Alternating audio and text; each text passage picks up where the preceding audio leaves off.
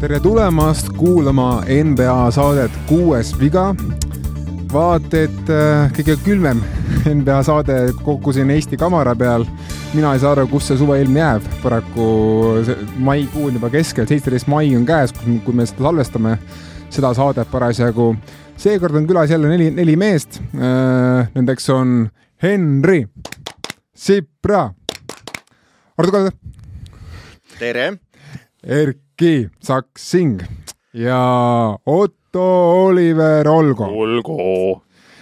ja täna siis meil tuleb, ma arvan, et sihuke võib-olla keskmisest sutsu pikem saade, sest on väga palju arutada. Arutame siis läbi nelja meeskonna saatused ja lähituleviku perspektiivi, sellepärast et meil langes neli tiimi nüüd selle eelmise nädala lõpuga üldse play-off'ist välja.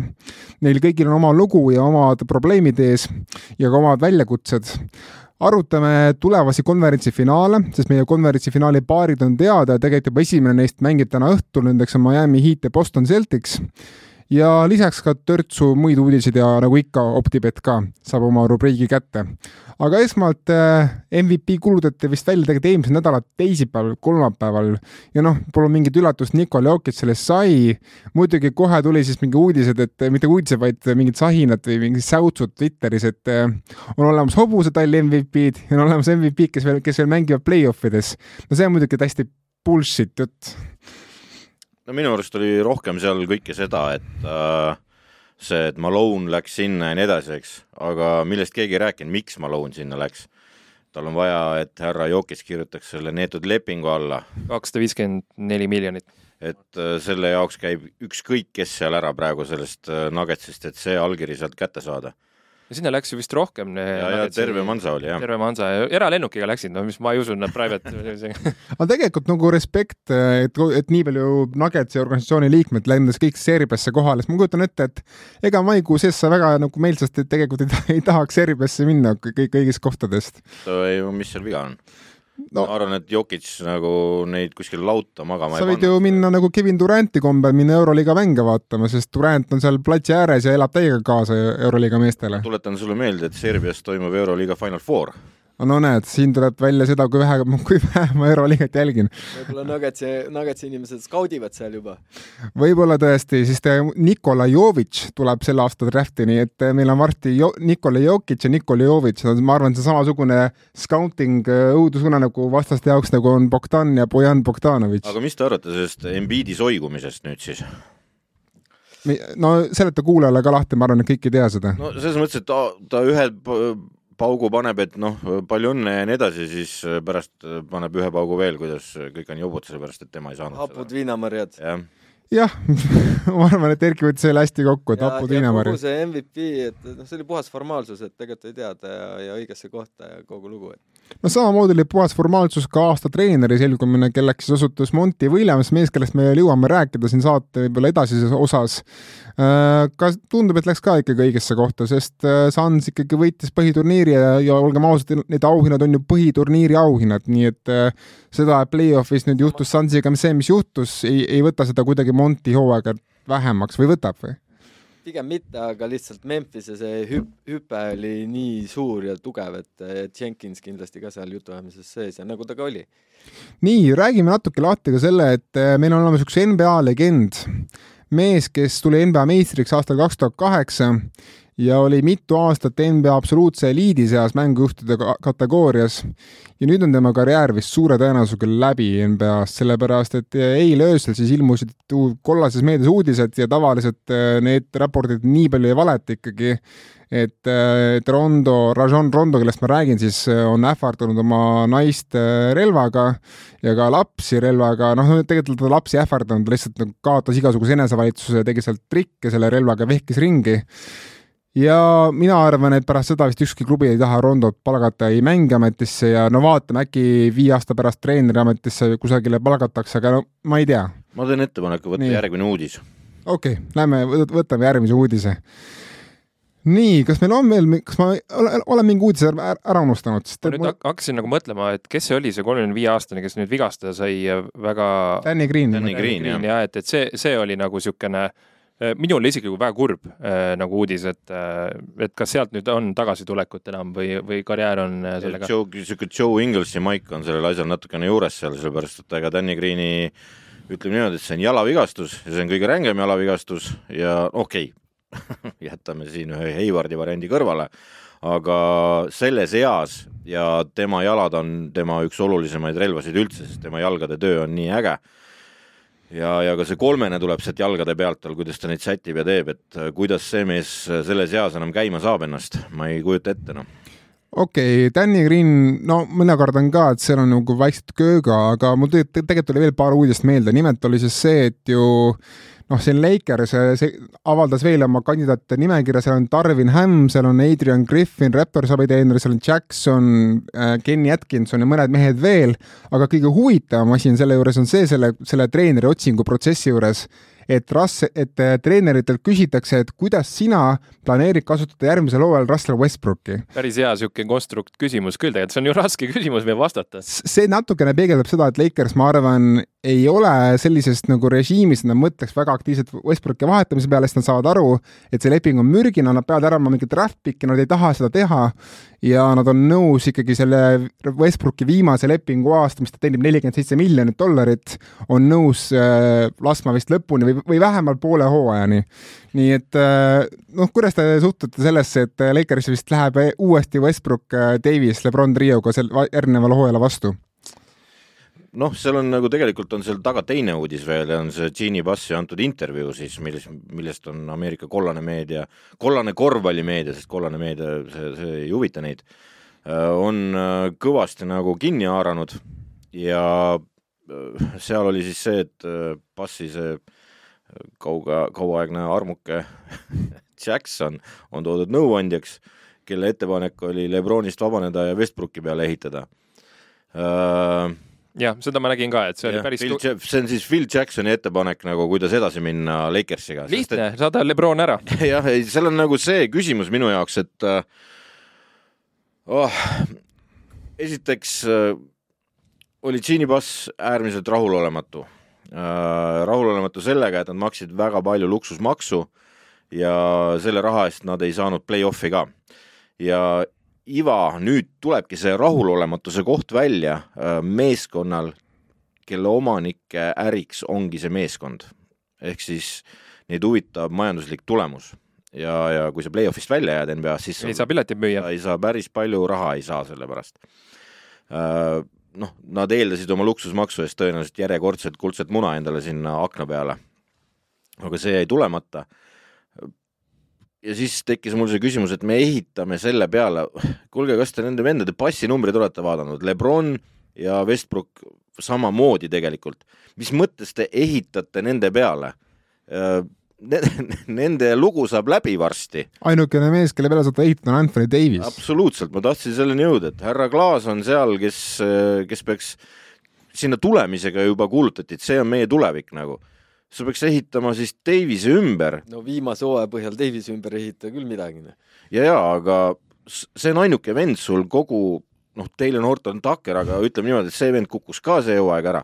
et kelle peale sa ehitad, on ainuke variant nende kogu sellest bändist on tegelikult Davis, mitte Westbrook, mitte Lebron, nendest vendadest sa noh, lihtsalt noh, kuidas ütleme aastanumbrid saavad lahti neist vendadest, aga, aga mitte sa ei hakka nende peale ehitama, sest sa jätad maha väga suure tühja bändi sinna pärast nagu mitte midagi tegema. et äh, minu arust oli see täiesti nagu, kõik see asi on seal väga rumalasti küsitud ja, ja ja tehtud ja siis see, see bänd, kes seal nõu annab, sealt on reaalselt üks mees, kes tegelikult võiks nagu nõu anda, on Magic, eks ole kes on siiamaani teinud asjalikke liigutusi, millest Belinka on pärast vabanenud ja siis nad läksid tülli ja nüüd on ta jälle tagasi ja ja nüüd on Phil Jackson seal ja Rambiste perekond, kellest äh, vanamees oskas natukene korvpalli mängida. korralik kodukeset linna. ei no ja seal on vanamees oskas korvpalli mängida, siis ta oli kuskil abitreener, peatreenerina totaalselt kukkus läbi ja tema naine annab nõu Gini Passi, see sinu lemmiknaine, see on see, mis ta oli, see no Linda Rämbis. Linda Rämbis, jah no, ve. veininaine, kes Ja, annab purjus päi soovitusi. et see totaalne katastroof, mis seal Lakersi ümber arvan, tegelikult praegu toimub, noh. tõmbame selle Lakersi saagale joone alla taaskord. ei, see on lihtsalt nagu totaalne huumor NBA ühe suurima legendaarsema ja, ja kõige suurema fännibaasiga meeskonna ümber nagu. et totaalne jamps, noh. Et kurat, Westbrooki ümber ehitame või Lebroni ümber ehitame, kuulge, mis aasta teil on, tõmmake kalender lahti, noh. ei no minu seisukohta teate, et see Lakersi limiit sai mul kuskil veebruaris sai täis. aga kas sul Hornetsi limiit on täis, sellepärast et vahistatakse, et Mike D'Antoni tuuakse Hornetsit juhtima ja ausalt öeldes mina ei saa sellest aru. ma ei, ma ei tea, kuidas sellest aru saada, sellepärast et see vend on, tema mängujoonis on täpselt samasugune nagu Borregol, noh. no samasugune, ainult ründame, kaitsest me ei tea mitte kusjuures ma arvan, et Borrego on targem kaitses. võib küll Jaa, olla, jaa. võib olla küll, Jah. jah. võib samas küll olla. rünnakul saab talle eelise anda, et äh, seda küll jah, ta on noh, D'Antoni on kuru ja, huvitav oleks näha, palju Hornets äh, regulaarselt seal välja suudab visata, sada nelikümmend punkti ja mängu. siis lasevad endale, endale visata sada viiskümmend punkti. no peale seda läks minu arust kõik allamäge, kui Devonte Graham sealt ära saadeti ja nüüd Graham on seal uues kohas ka täiesti kadunud mees. Et äh, no, oli, oli ja on kadunud, aga no lähme edasi. no nii, aga võib-olla kõige olulisem uudis, et siis meie lõppu, nimelt siis täna öösel, noh, päev, uuesti kordan üle, päev, mil me seda saadet salvestame, seitseteist mai, täna öösel siis äh, selgub äh, draft lottery, mis tähendab, on siis see, et NBA see asenduscommissioner loosib siis välja erinevad bingopallid, nende pallide alusel siis antakse draftis äh, loosikohad ja noh, kõik, kes need, kõik, kõik, kes selle play-off'i ei saanud, igaühel neist on võimalus esimene pikk võ- võtta, kuigi noh, realistlikult on ikkagi esimesed, noh, need, kes olid tagantpoolt esimesed üheksa, ma ütleksin, et nemad on need, kes ikkagi konkureerivad ja viimased, kes play-in'ist välja langesid, pigem mitte. aga see nüüd, see loteri loosimine, ma arvan, et mõjutab tohutult seda, mida, mida me hakkame nägema suvel. ja eks me räägime sellest võib-olla rohkem järgmises saates, võib-olla siia pikalt ei jää peatuma, aga ma küsin teilt igalt ühe küsimuse, keda teie tahate näha, kes, kes saaks esimese piki? Magic, Orlando Magic, kusjuures ma põhjendan, miks. Sellepärast et äh, neil oleks vaja veel ühte äh, nagu sellist staarihakatist. minu arust neil on vaja üldse nagu mingi staari hakata, neil praegu polegi nagu noh, kui sa oled väga optimistlik Franz Wagneri suhtes, siis võib-olla, aga ja kui Isaac tuleb, saab oma asjadega joonele. ei saa, aga seal on niimoodi, et äh, tal võib õigus olla, kui see mäng käib seal Seth Holmgreni peale, siis see oleks hea vahetus, et Mo Bamba eest ära ja see Holmgren sinna sisse ja neil oleks tegelikult päris äge eesliin, tagaliin on muidugi neil sihuke äh, no sõltub, mida see Saks teeb järgmisel hooajal, eks ole, et me nägime praegu ainult tema rookie hooaja, kus ta oli kaitses väga hea, aga tal on ründes veel kõvasti arenguruumi. no tunduvalt potentsiaalikam kui Fultz omal ajal. aga kes veel, Henri, kes oleks sinu eelistus? mul on äh, Spurs, no jah, ma ütlen natukene ma nende noorte osas, et see, ma isegi see Holmgrenis ma ei ole nagu veendunud, et võib-olla ma ei ole piisavalt eeltööd teinud, aga kujut- mul ei ole nii peenikesi näppe, millega kaamerasse näidata, kui õhuke see vend on kujuta nagu,. ette Pokusevskit veel õhemana, aga samas kaitses mitu korda targemana. Äh, kõik see kõlab hästi, aga, aga see mees läheb pooleks võib-olla, ma ei tea. see ei ole NBA keha seal praegu, et nad peavad kõvasti sinna liha panema. seal on nagu äh,, Borsingise moment on kui seal. see ektomorf on see kehatüüp, et ta on nagu äh, ektomorf ja siis on pooleks tehtud nagu, et seal on, ta liigub ja kõike teeb, aga see tundub nii uskumatu, noh, et no seal on ka niisugune Rudy Gay, Jason Tatumit laadne tüüp, Paolo Banchero, itaallane, niisugune suur äär, kes äh, kaitses on niisugune so-so ründes on väga hea, sööt, söötjana ka hea. selle paneme Spursi, see sobib sinna siis on niisugune free and D ehk siis kui noh, paneb kolme, kaitseb hästi, niisugune pikk äär, mis ta nimi oli nüüd, appi, Jabari Smith. Need on kolm meest, kelle vahel siis arvatakse, kes lähevad esi- esimese kolmena ja keegi ei tea, mis järjekorras, aga arvatakse, et Holmgren läheb ikkagi esimesena. jah, aga mõtle, kui New York Knicks saab selle piki ja üks mees jälle rikutakse ära. ei, mitte rikutakse ära, neil on need positsioonid nagu normaalsete inimestega täidetud juba. jah, tõesti, no siis nad selle treidivad. ei, nad võtavad siis Banchero või siis äh, Smithi, ma Neil arvan. on pikk äär juba ju. no saavad ära Neil vahetada. on ka lühike äär olemas. Neil on tagaliini vaja, mida seal ei ole praegu ju. siis nad saavad treidida natukene paar kohta tagasi, sest neljanda valikuna ennustatakse tagamängijat Jaden Ivy't, ma arvan, võtavad siis Ivy, Ivy ja natuke, natuke treidivad tagasi. seal mingit äh, alustava mängujuhi materjali üldse on või nagu Cunningham, niisugust on, ei, ei no ole? niisugust pikka Cunninghami tüüpi mängujuhti ei ole, aga, aga on olemas Ivy, kes on niisugune noh, natuke pikem Branson no,. jaa, aga kujuta nüüd ette, et Detroit Pistons saab endale normaalse keskmängija sealt. see oleks kõva. Siis nad ei pea jah, nii palju jahtima minema võib-olla. Neil oleks päris võimas jõud nagu Cunningham, kes toob palli üle, vaata, milline keha see on, eks ole, ja oleks hea keskmängija, siis ongi nagu üks ja viis on väga hullult täidetud no lisaks on veel ka Bay äärel, eks ole, kes, kes on ka niisugune so-so. ja mitte Sousudel oli päris hea rukkihooaeg, seda, mida oodati temast sel hooajal, ei tulnud sealt, aga ta on nagu hea rollimängija, noh. No mina loodan loomulikult Thunderile seda esimest pikki, ma tahaks näha, kuidas see, ma, ma, ma, ma päriselt tahaks näha, missugune näeb välja nagu sihuke viisil nagu Kilgus Aleksander, Tort, Gidi, Pokusevski ja Holmgren, ma arvan, see oleks ikkagi imelikum viisik, mida, mida on üldse NBA-s nähtud. Need kaks viimasena nimetatud üle viie mängu kindlasti ei kesta. no Pokusevski on kestnud ka päris kenasti tegelikult. kaelkirjakud oleks koos siis seal. jah, jah, aga ninasarvikut oleks ka Aga- vaja hoida. ma mingis mõttes olen Erki sinu paadis, ma arvan, et Orlando'l on kõige rohkem vaja siukest nagu mingisugust nagu noort nagu staari väärilist tüüpi, et ma mingi, mingit sähvatust. ja kusjuures ma arvan, et ka Spursil tegelikult oleks vaja seda meest juurde, sest neil on ka niisugune nagu hästi raske on näha, kuidas nad ilma nagu kõva superstaari potentsiaalita mehega nagu teeksid sammu edasi. ma isegi üritan aru saada, et eh, mis see Popovitš, vaata, tal, mis on nagu tema motivatsioon praegu, et ta tahab nende noortega va- nagu niisugust tuhhi saada, vaata, et areneb ja ja, ja tulevad need võidud, vaata, noh, temal on see isikliku saldo kasvatamine, eks ju, teema. aga ta tahab siis, ma ei tea, selle pundi veel kuidagi play-off'i tiimiks eh, teha ja, ja siis võib-olla tunneb, et eh, nüüd on rahulik eh, natukene puhkama hakata ja võib-olla midagi muud tegema hakata. Indiana oleks ka huvitav, sellepärast Indiana pole üldse, nad, neil oli viimati top kolm pikk aastal tuhat üheksasada kaheksakümmend üheksa, et äkki oleks nagu aeg, et, et saaks ka top kolm pikki. aga lähme edasi siis. Lähme edasi, nii, teeme Optibeti ka kiirelt ära, enne kui lähme edasi selle play-off'ide juurde. mina olen ületanud kahe tuhande euro piiri Ossa raisk, äh,. panin siis viissada eurot selle alla, et Mavericks võidab Game seitse. vot see, vot see oli hea, hea julge pett. ma muideks kaotasin ka kakssada eurot, ma panin Paxi peale ka raha. aga, aga Mavericksi vett tõi ikkagi kõvasti raha sisse, noh, sihuke tonni tõi sisse ja ma olen tänaseks kahe tuhande kolmesaja peal. aga selles mõttes ma, ma, mul oli nagu tegelikult kartus selle Paxiga, ma, ma ala, kui ma panin petet sisse, ma kohe kartsin, et Paks kaotab selle mängu, ma ei tea, ma ei tea, miks, aga ma lihtsalt vaatasin neid Paxi võite läbi häda kuidagi tulnud.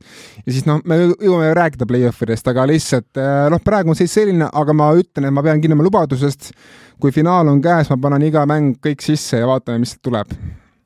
nii. ma pean kinni sellest lubadusest. iga mäng kõik, jah, nagu seitse mängu võimalust, siis on no ma, ma loodan, ma loodan, et neli on. mingisugused äh, korvpallitrenni lapsed nutavad ja vaatavad, kuidas Otto lihtsalt pühkis nende jalatsite raha minema okei okay,, ma jätan mingi sümboolse, mingi sümboolse summa jätan alles. mul on Jah. kolm eurot äh, Mingi mingi sümboolse summa ma jätan alles. ma olen nulli peal, ei mitte, mitte nullis, vaid ma olen soti peal, mingi sendid on ka seal, aga noh, mul on pikkades. ma panin lõpuks nagu need pikad ära, ma panin NBA meistrite peale. Kes sul äh, meistri äh, valikus on siis? None of your business okei, no selge. aga kas mõni bett on juba ka läbi kukkunud, küsime hoopis nii. äh,. ei ole. no siis on, siis on hästi. Minul- minul kukkus- mul kukkus Chris Paul MVP, et mul oli Paks oli üks panus, aga mul see kol- oota, kellel, kellel, kellel oli siis, Ja Morant oli ka MVP mul oli. mul oli kolm MVP-d, et mul oli kõik no sa, Jamoranti peal panid ühe euro vist. ja, ja Chris Paul sai ka ühe euro ja, ja Curry sai ühe euro, kõik kolm läksid Nessu. no õnneks see on väga suur rahaline kaotus sul, Erki. ja, ja Jah. mul on jätkuvalt kolm eurot kontol, nii et mul on äh, jätkuvalt see Golden State äh, meistriks on, mida, midagi võib sealt tulla vist, ma ei tea, kolmkümmend kuus eurot või midagi. noh, saaks selle siis sinna kahele tonnile juurde panna või kümme tonni või palju no no, võib-olla on null varsti või. võib-olla on null ja siis Jah. mina, mina ainukesena panengi. ei no meil on vist Siimul on ka raha. kuigi see Golden State ka ei tundu enam eriti realistlik siin. aga räägime kohe, hakkame pihta, Hakka- hakkame pihta. hästi tuli No nii. läheb käima nii, et viriseb. Henri, miks ei ole Golden State äh, sihuke veenev, kas see Memphise seeria natukene võttis sinu optimismi ei, vähemaks? pigem see vi- vigastuste teema, et äh, seal mingi asi veel ära kukub, siis on neil väga palju probleeme ja ka Tallase vastu, nagu et Tallas on väga kuri praegu. aga mis sulle ei meeldi sellest Memphise ja Golden State'i seeriast? ei, seal ei olnudki midagi, aga lihtsalt need vigastuste teemad, no hakkasid tulema Otto Porter, Gary Payton, ei saa teda üle hinnata, noh et kui ikka tagamängijate peale, ta on väga hea kaitsejõud, et teda nagu asendada, no no ikka väga raske, teda on väga vaja ja siis Otto Porter tuli juurde, no nüüd ta peaks tagasi tulema, eks ju. aga kui midagi veel äh, seal äh, mingi plejaadiga juhtub, siis, siis on kohe noh, no okei okay,, see on alati, eks ju, see hirm, aga aga natukene tegi ebakindlaks, ütleme nii. aga meil on siin lausa täna ebatraditsionaalses äh, kostüümis see on äh, härra Saksing äh,, on- Ish äh, Sma- Saksing, Ish. Ish jah, ja tema tahab rääkida nüüd, miks Golden State kogu selle pulli kinni paneb ja kuidas me kõik eksime või?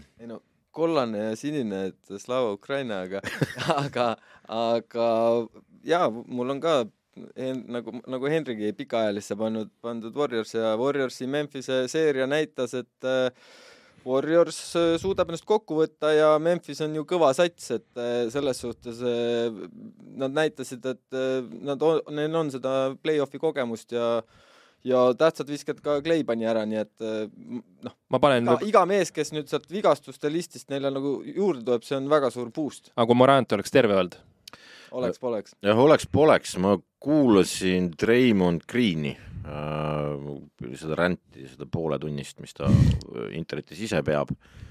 Äh,. ja siis ta ütles, et äh, noh, ta suured kiidusõnad ütles sellele Memphisele üldse, eks ole, ja, ja siis ta ütles, et noh, et miks me tappa saime ühe, et ta ütles, et see on täiesti teine meeskond, kui Ja Morant ei ole. ütles, et meie polnud niisuguseks asjaks üldse valmis.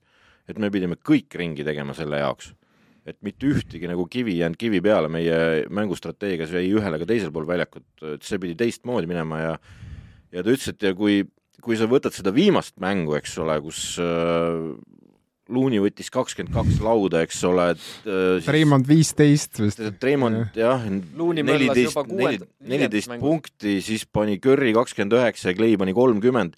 ta ütles, et ja kõige selle juures ja sa vaatad, kurat tabloole, nad on kahega ees, noh. ütles, et nagu sihuke tunne oli küll peal kohati, et no nad ei lähegi ära nagu, et et no mis nüüd toimub, ütles, et aga no lõpuks nad suutsid neljandal nagu, ütles, et see, see on lihtsalt play-off'is võitmise kogemus, millega nad selle mängu lõpuks ära tegid. ütles, et Memphise juurde me veel jõuame, eks ole, seal, aga, aga ta ütles, et need kutid, kui nad selle selgeks saavad nagu ja nad saavad selle lõpuks selgeks, siis noh, ohohoo. aga see peatreeneri puudumine, kas ta seda ka rääkis, see Covidi teema, kas see segas neid kuidagi või näiteks see neljas-viies mäng või Sellest- sellest läksid lihtsalt üle, et Raymond on nii kõva kutt see seal ei. No no mulle jäi silma loomulikult see Looney ikkagi ulmemäng, võtta üksteist ründelauda, üksteist kaitselauda, ütleme nii, et selle mänguga ta tõestas, miks Steve Kerr ütles aastaid tagasi, et Looney on foundational piece Warriorsis, et äh, ta on nende oma nagu sihuke rollimängija, kes äh, sul on vaja alati niisugust ühte nagu püsivat rollimängijat, kes mõistab su süsteemi peaaegu peensusteni välja ja kes kellel on madal ego, kes teeb niisugust musta rasket tööd vajadusel, kes ei taha puuteid igal tiimil on vaja ühte niisugust meest ja Looney ikkagi näitas, et miks ta, miks Warriors on teda aastaid ja aastaid hoidnud oma tiimis. ja teine asi on see, et no üleüldse Warriorsi puhul, mis mind, mis mind tegi ettevaatlikuks selle Memphise seeriaga, on see, et äh, nii nagu ma kartsin natuke, see pallikaotuste jada, see ei lõppe ära neil. et nad tegid ka, ka viimases mängus seal Memphise vastu vist kaheksateist pallikaotust või midagi ja, ja sellist. Treimond Green on üks põhilisi patustajaid seal. jah, et äh, lihtsalt praegu neid päästis nagu ulmeline päev lauas, see oli vist üldse mingi NBA ajalooda üks noh, no üks rekordõhtud üleüldse lauas tal. ühe veera-, esimese veerandiga oli üksteist lauda. no ühesõnaga, ma vaatasin, et viimati seitsmekümnendatel tehti siuksed numbrid, mis, mis, mis Warriors tegi lauas, et äh, et natukene on see hoiatav märk, et Memphis ilma Morantita sai nüüd nii hästi vastu neile, aga vaatame, mis seal Mäveriksi vastu saab, me räägime veel sellest seeriast ka. nii, võtame järgmise paari ette. kas, kas lähme, kas lähme kohe teise lääne paari juurde või? lähme Miami Heat ja Philadelphia, see Okei. oli ka lühem seeria. ja, ja Philadelphia, Philadelphia'l on, ma kuulasin seda Embiidi intervjuud, kus äh, ta püüdis siis pehmendada Hardeni, noh, Harden tegi küll omad ära, aga eks see ootused olid kõrgemad ja, ja see teine ring on Philadelphia, Philadelphia suguse satsi jaoks ikkagi sihuke noh, ma, ma isegi ei saaks öelda, et see on miinimumprogramm, see on, see on no need vahetused tehti küll selleks, et ikka kaugemale jõuda, et äh, ja nüüd ju räägitakse, et Rivers on läinud, eks ju, ei põhimõtteliselt. ole, ei ole, ei ole, ei ole. Siinkohal- Moori just ütles, et ei lähe. kaastunne Genkale, nii, lähme edasi. et äh, aga räägime Miami'st parem, me jõuame Philadelphia'st täna vist rääkida veel, et natukene jõuame, aga ma mõtlesin, räägi, räägi sellest seeriast natukene võib-olla, kas me jaa, aga noh, räägime Jah. Miami poole pealt, et nemad said siit ikkagi edasi, mis nad hästi tegid, no et maskiga Embiid ikkagi äh, tegi selle seeria veel korraks seeriaks, et kaks kahe peale, et äh, ja, ja pa- padu Philadelphia fännid juba olid äh, näpud püsti, aga paraku nii ei läinud, et et no Erik Spolstrit ei tasu alahinnata ja minu arust, minu arust Spolster sai ka pärast seda neljandat mängu aru, et ta ei saa Kyle Laurit panna platsile praegu. Lauri lihtsalt, ta, ta on liialt vigane, ta ei mängi oma kohta välja ja kohe, kui pandi, pandi see Vincent, pandi algviisikusse, või Struss oli ka vist seal või, no ühesõnaga terve hooaja koos toimetanud. just, just täpselt nii, et Struss ja Vincent on terve hooaja koos pidanud toimetama ja no Vincent ikkagi, tal on seda energiat, tal on seda kiirust, tal on ka viset, ta saab hakkama selle asendamisega mingil määral. jah, et eh, seal, see oli julge otsus eh, Spolsteril, et eh, noh, Lauri vaata staar, eks ju, toodi tiimi, et nüüd hakkame siin tegema ja oli kehva, midagi pole teha, et eh, võib-olla te, pidas isegi temaga nagu, et kuule, mis sa arvad sellest ja ta ütles, et okei okay,, et praegu ma ei ole sada protsenti, no ma arvan, et see on sama, mida Udoka tegi Robert Williamsiga, et no nägi, et ei ole mees ikkagi päris sada protsenti ja, ja noh, sul ei ole mõtet panna poolvigast meest platsile. no see oli kõige huvitavam, et enne seda Milwaukee-Boston mängu, et seal oli ju öeldud, et kui väga on vaja, siis paneme Williamsi mängu No. seal ma ootasin seda hetke, et kogu aeg oli teda vaja, aga siis saadi ikka hakkama seal teisel poole ma arvan, et see väga vaja on see, et Horfordil on kuus viga. just, just, just, just, ilmselt oli sinna see asi maetud. aga ma ütlen siis Philly kohta seda, et noh, see pink ei ilmunudki kunagi välja, tõsi, kuuendas mängus Milton pani vist kaheksateist punkti, aga see oli ainult sellepärast, et Danny Green langes välja. ja mis veel seal Philly'ga mulle jäi silma, on lihtsalt see, et mis seal pärast seda seeriat juhtus, on see, et Embiid hakkas kommenteerima, et tema tiimis ikkagi pole piisavalt siukseid PJ Tuckerid ja, ja, Markus Smart, et siukseid nagu jässakaid eh, pikemaid mehi, kes nagu mängiks agressiivset kaitset, et tal on ikkagi enamus aega olnud siuksed pigem noh, finessmängijad või siis kuidagi nagu mitte võib-olla mitte niivõrd nagu tursked mängijad ja et Embiid tahaks ka ikkagi neid turskeid mehi enda, enda kõrvale. Mikk Crowdereid ja Tuckerid, no need on eh, siis eh, valuuta, meistritiitli valuuta, et leida sinna kõrvale need ääred, kes seal lõhkuda ja loopida suudaks. aga kas te arvate, et see kommentaar mõjus kõigile Embiidi tiimikaaslastele hästi ka või? Embiidiga on ju see, et ta alati ütleb siukseid asju ja nad alati kaotavad ja ta saab alati öelda neid asju. ja, ja get used to it selles mõttes, et sa oled rollimängija, tema on sinu superstaar, et mängi nagu ta tahab, ei ole vait, et äh, selles mõttes, et aga äh, ma, ma olen kuulanud nagu seda, seda James Hardeni ränti seal nüüd, eks ole, ja ma hakkasin mõtlema, aga Harden sellest hetkest, kui juhtus see hamstring, ei ole ta mitte midagi tegelikult platsil teinud. et mõni üksik sähvatus, aga ei midagi erilist. ja see üks mäng nüüd Philly eest ka, eks ole, aga edasi ju, edasi ja tagasi vaatad, sealt on ikka paras katastroof olnud. et selle mehe jalad võttis ära see hamstring ja, ja ma mäletan, ma mäletan seda, et kõige paremat korvpalli, mis Harden elu sees on mänginud, üldse ei mänginud ta Houston Rocketsist, vaid mängis need üksikud mängud, kui need kolm superstaari said Netsis koos korraga mängida, siis oli hirmuäratav. siis see oli väga noh, hullumeelne korvpall nagu. seal oli nii, et see on unbeatable, kuidas, kuidas sa võidad neid? sest et noh, Harden mängis nagu super hästi mängujuhi koha peal, pani vajalikul hetkel talle ära kõik need oma pe- step back'id, astus mööda, tõmbas vead välja. Kairi ja, ja, ja Durant olid saadaval sööduks alati ja ta leidis need söödud, aga juhtus hamstring ja pärast seda ei ole ta üldse enam endine, et äh, no tal on ees ootamas see nii-öelda karjääri nüüd nii-öelda, ma ei ütle, et lõpusirg, aga ütleme nii, et äh, ta peab enda rolli lihtsalt muutma, ta peab nagu muutuma teiseks mängijaks ja ta peab muutuma noh, mängijaks, kes ei ole mitte nagu staar, vaid kes on pigem niisugune complementary nagu piece, et ta on nii-öelda niisugune kolmas-neljas mees. miljonit dollarit. Need dollarid jah, sinna juurde veel. no tal on viimane aasta, nii et vaatame, mis üldse nagu sellest, sellest lepingust nüüd saab äh, tagantjärgi, tagantjärgi. Warren maksab kinni need kõik tulevased dollarid ka. seda kindlasti, mina ütlen ka veel seda, et ma pettusin natukene selles, et nagu see Mattias Taibul ikkagi ei ole kolme aastaga mitte midagi ründ-, ründes nagu pannud juurde ja ma mõtlesin, et nagu see kutt natukenegi on julgem, aga ei, see on täpselt uus Ben Simmons, lihtsalt ei, ei, ei julge mitte, mitte ühtegi viset võtta, noh.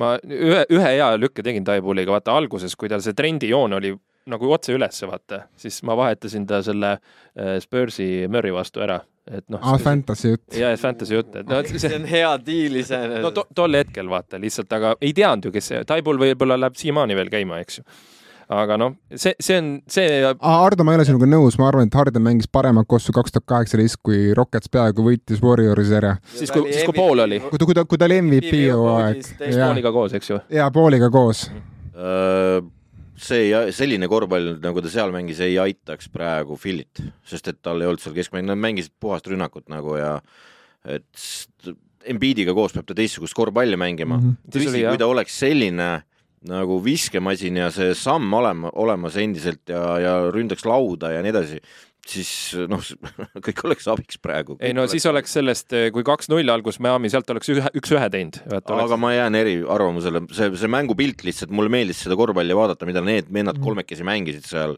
Netsis sel hetkel, need üksikud äh, õnnehetked, kui neid vaadata sai nagu seda korvpalli, et see oli nagu hullumeelne, et äh, ma ei. no see muidugi niisugune, seda nägid sama tihti kui armastus kolme apelsini vastu, aga, aga, aga hea küll, lähme, lähme game. ma olen seda rohkem näinud minu arust, mul on pikem laps see nagu ma, ma olen vanem ühesõnaga nii, aga lähme nende seitsemänguliste seeriate juurde ja lähme võib-olla selle seeria juurde, mis natukene vähem tekitas võib-olla kõlapinda pärast seeria lõppu.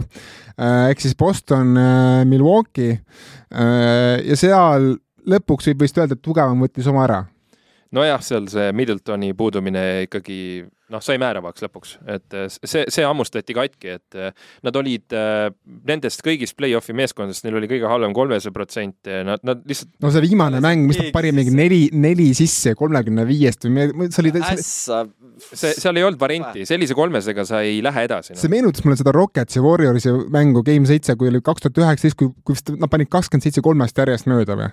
Millest midagi siukest. jah, mingi, no igatahes tehti rekordeid halvas mõttes. kaheksateist oli vist järjest. mul on nagu see, et äh, mingi aeg seal seerias nagu äh, ütlesid spetsialistid, et vaadake nüüd lähedalt, et nad kurnavad Jannist, et nad lihtsalt kurnavad Jannist, nad sõidavad nagu võtavad seda keha ja nii edasi ja nii edasi. Nad füüsiliselt kurdavad ja kurnavad äh, Antetokounmpot. ja seal oli Kelle, ju pilt ka, kus oota, oota, kuulan siis lugu lõpuni. keegi vastas selle peale, et Äh, kas sa selle peale ei ole mõelnud, et Janis kurnab tervet Bostonit praegu või? ja, ja lõpuks muidugi oli õigus sellel, kes ütles, et nad kurnavad Janist ja nad said sellega lõpuks maha, sellepärast et ega see, see viskeprotsent seal viimases mängus oli Janisel ikkagi väga, väga kohutav juba. ta lihtsalt ei jaksanud, ta oli üksinda ja nende, vot need olid selles seitsmendas mängus olid nüüd need hetked, kus see Chris Middletoni puudumine nagu karjuvalt näkku vaatas. Et need olid need hetked, kus see mees ronib keskele ja hakkab neid viskeid sealt ära panema, paneb oma kakskümmend kaks ja samal ajal hoiab kõiki kiki varvul seal, et äh, see, see mäng oli nagu eriti karjuvalt näha, et kurat, Chris Middletoni ei ole, et ja need ülejäänud vennad ei kandnud seda ära ja tegelikult ei saa neid süüdistada ka selles. kuule, tegelikult ma natuke vaidlen sulle vastu, arust Holiday ikka kogu selle seeria kandis ära. ei no Holiday on Holiday, tema niikuinii, aga ma räägin tema sellest. tagaliinis jah Uh, Holiday mängis ka superpartii kaitses, nagu ta alati seda teeb, aga, aga noh, toodi välja seda Smardiga võrdlus blablabla bla, bla, eks ole, et aasta kaitsemängija, aga unustatakse ära, et seal on väga oluline moment, et uh, aasta, Smart sai aasta kaitsemängija tiitli, mitte aasta ründemängija tiitli, et noh, talt võeti pall ära kaks korda, et no vahet ei ole, Holiday mängis super hea seeria. temas, tema ja Andete Kumbo tegid kõik endast olenema, aga see ülejäänud bänd äh, seal kõrval nagu ei teinud seda aga neid ei saa ka süüdistada, nad ei ole nii kandvad mängijad kunagi olnud ja noh. No Lopes minevikus oli. nojah, aga see, tal on ju selg ja jalad ju läbi, eks ole. seeria teises pooles Lopes tegelikult ärkas ellu, et. Äh, jah, kui samas, kui, kui ma vaatasin nagu lõpuks tagantjärgi need seeria pluss-miinused, siis no Lopesil on üks suuremaid miinuseid koos Matthewsega. et. Nad jooksite üle, nad jooksite üle ja nad, see oli ka see, et ta sai ka need lopse ikkagi päris kõvasti, sellepärast et äh, nende see strateegia oli alt kokku tõmmata, nagu ikka Paksil on, eks ole. ja sealt sai Lopes nagu kõvasti ikka kehana.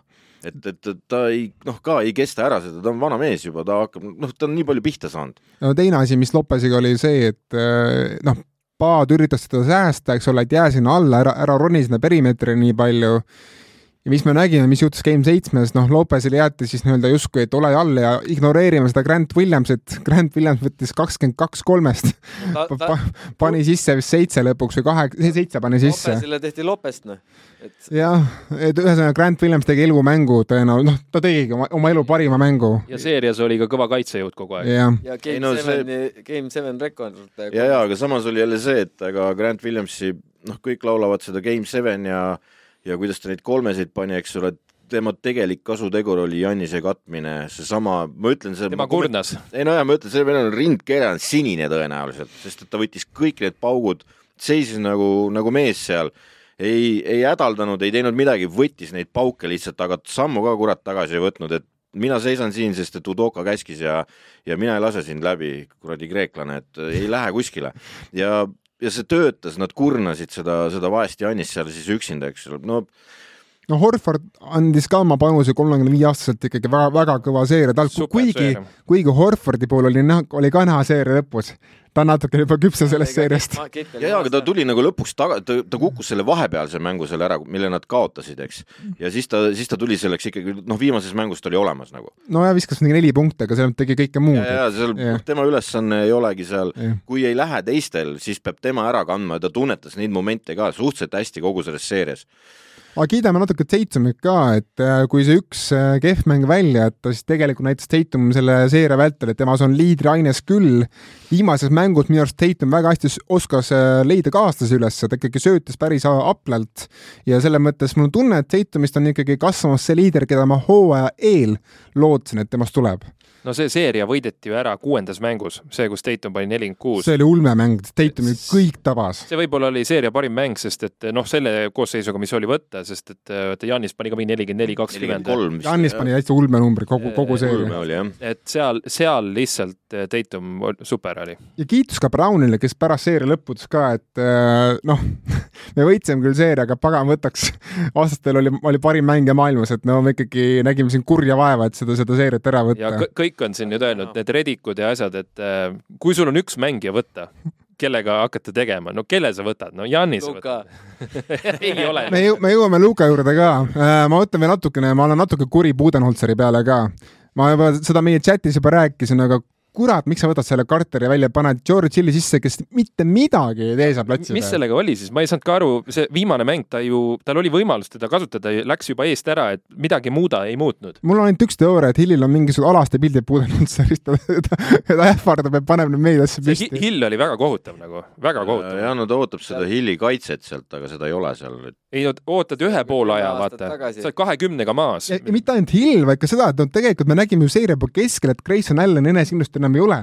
see mees Jaa, viskab kõik mööda ja sa, ja selle asemel, et proovida, ma ei tea, proovi kasvõi, kasvõi proovi Nvorat. just, ma mõtlesin ka Nvora peale. kes põhiturniiril tegelikult teenis minuteid. kui sul on vaja energiat, proovi seda paganat Thanassiast, ta vähemalt paneb sulle kõik sada kakskümmend oi, protsenti. oota, ärme nüüd nii kaugele ka nende asjadega lähe. no no aga ma saan aru, mida sa mõtled tegelikult on niimoodi, et ega päris aus olla, ega Budenholzer mingi geniaalne treener ei ole, ega ta sellega ennast kunagi ennast näidanud ei ole, eks, ta paneb kogemuste pealt ja ta teeb ko- treeneri asjad ära. et Udoka on ikkagi mängis ta terves selles seerias, kus tal ei olnud parim mängija selles seerias, mängis Udoka ta üle. et oma tükkidega, mis ta oli, tegi Udoka oma öö, vanale kaaslasele nende õpipoiste päevilt tegi ära, ühesõnaga. mitte Budenholzer, noh, ma tahakski nagu sõnastada selle nii, et loomulikult ta on meistritiitli võitnud, eks ju, et ta ei ole paha treener, aga tal on see, et kui tal süsteem on ette tehtud mängule, siis ta seda mängu jooksul väga ei muuda. jah, ta Jah. ei adapteeru nagu, aga Udoka oli ka esimene mäng, mille nad, nad kaotasid ju, eks ole. Siis ei läinud Udoka kaasa jälle, et ta ka raius sedasama, samasse nagu, nagu noaga vastu kivi lõi seal ja. sellest samast tegelikult saame ka rääkida, Giidil oli ka üks moment, vaata, kui see Tallas pani ühes mängus kolmandal veerandil kaksteist palli kaotust. Ja, ja, ja siis ei võtnud time-out'i seal mingil hetkel, et noh, siukseid kokkujooksmisi tuleb, aga Giit tuli sellest ilusti välja, aga Budenholzeril no, aga ongi paras aeg, Otto, edasi liikuda millegi eriti magusa juurde. Game Seven ja Game Seven ja meil tuli vist play-off'ide suurim upset, sellepärast et kui Warriorsi võit üle Grizzlies ja nagu kuigi Warriors on kolmas asetus ja Grizzlies on teine, siis noh, olgem ausad, enamik meist natukene eeldas ikkagi Warriorsi võitu sutsu rohkem kui Grizzlies oma eri,. eriti Ja Moranti puudumisega, eks. just, just, just, see, seal oli küll, et algusest peale oli see Phoenixi ja Golden State'i see eh, konverentsi finaal, see, see oli see, vaata, mis meie peades oli kõige tõe- tõenäolisem. aga kui me nägime, et Tallas sai eelmisest seeriast edasi, siis me hakkasime natuke mõtlema, et mis sealt tuleb. no me tegime Hardoga siin öö- öösel Volbri ööl tegime selle eelvaate ära ja ega me, me siis olime ka ikkagi pigem optimistlikumad meelestatud Tallase šansside asjus, et neil on seeria parim mängija.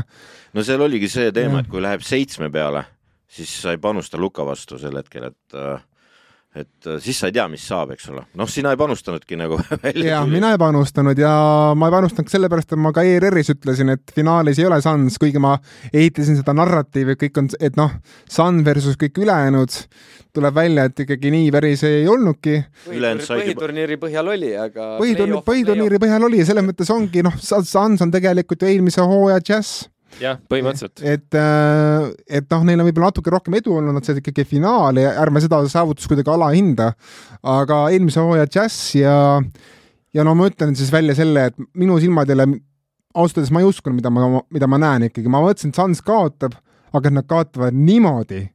seitsmendas mängus oma kodus lasevad minna neljakümnega vastastel ette ja Chris Paul võtab oma esimese tabatud viske kusagil kolmanda veerandi keskel. mis toimub? mina, minul oli see õnn seal öösel istuda, teles äh, kõigile rääkida sellest ma. ütlesin jaa, sul tuleb hea mäng, vaata. tuli, tuli jah. see nägi välja niimoodi, et äh, nad, noh, ma näen sealt enne seda ka, mis seal toimub, eks ole, et nad tulid ilge tuhhiga küll sealt välja, sealt tunnelist. nagu ikka. ja, ja McGee ajas Mm. kõiki taga ja nii edasi.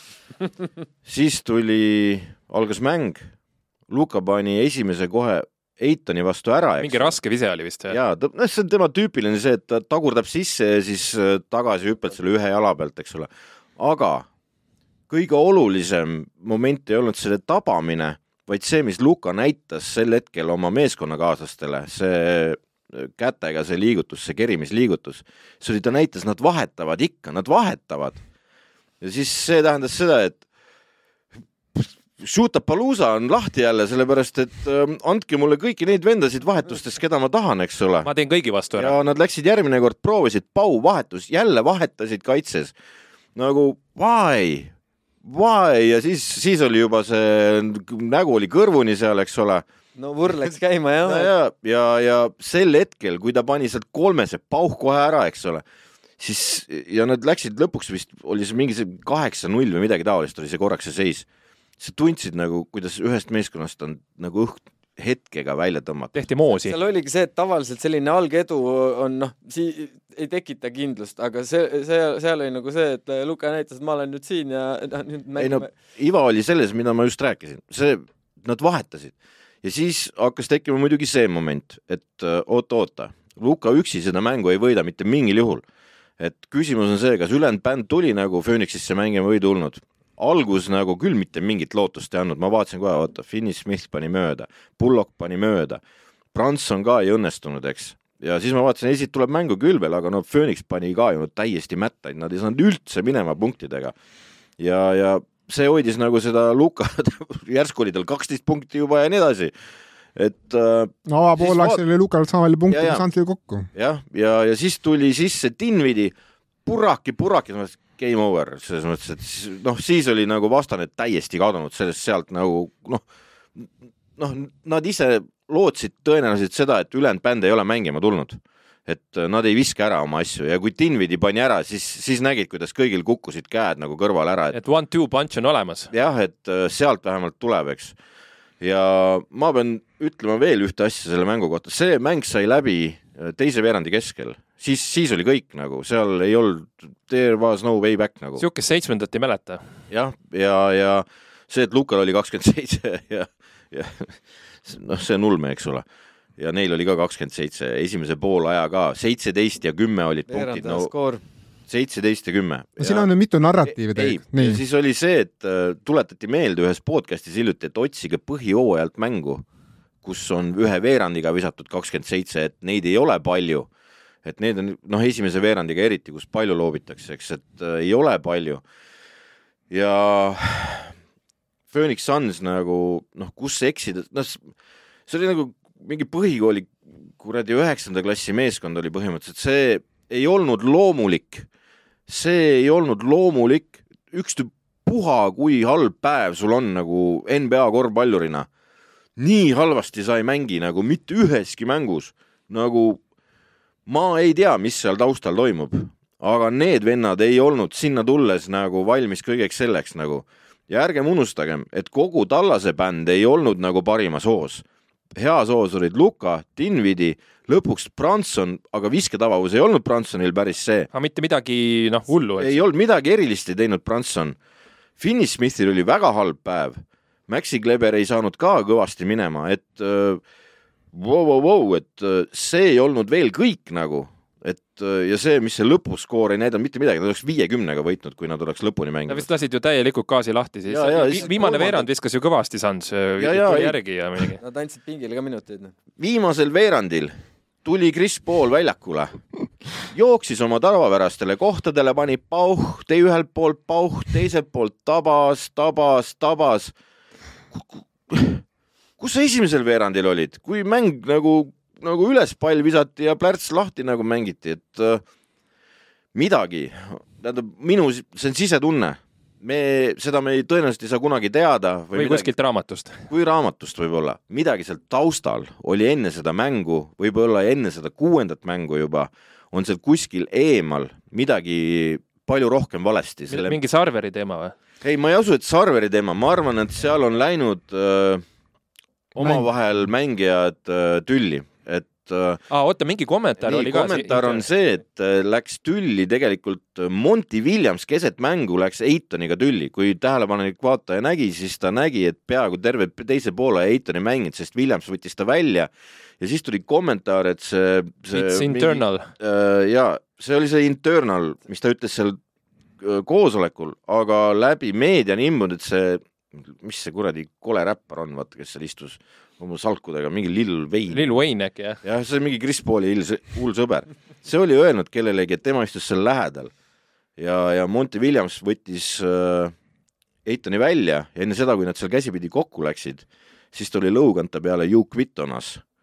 et noh, sa andsid alla. No mina olen kuulnud veel siukseid sahinaid siit äh, maksumüüri tagant, et äh, noh, nüüd on ilmunud pärast seda seeriat välja, et ole läbi hooaja olnud rahul eriti Eitoni nii-öelda sisemise motivatsiooniga, et seal on kaks asja.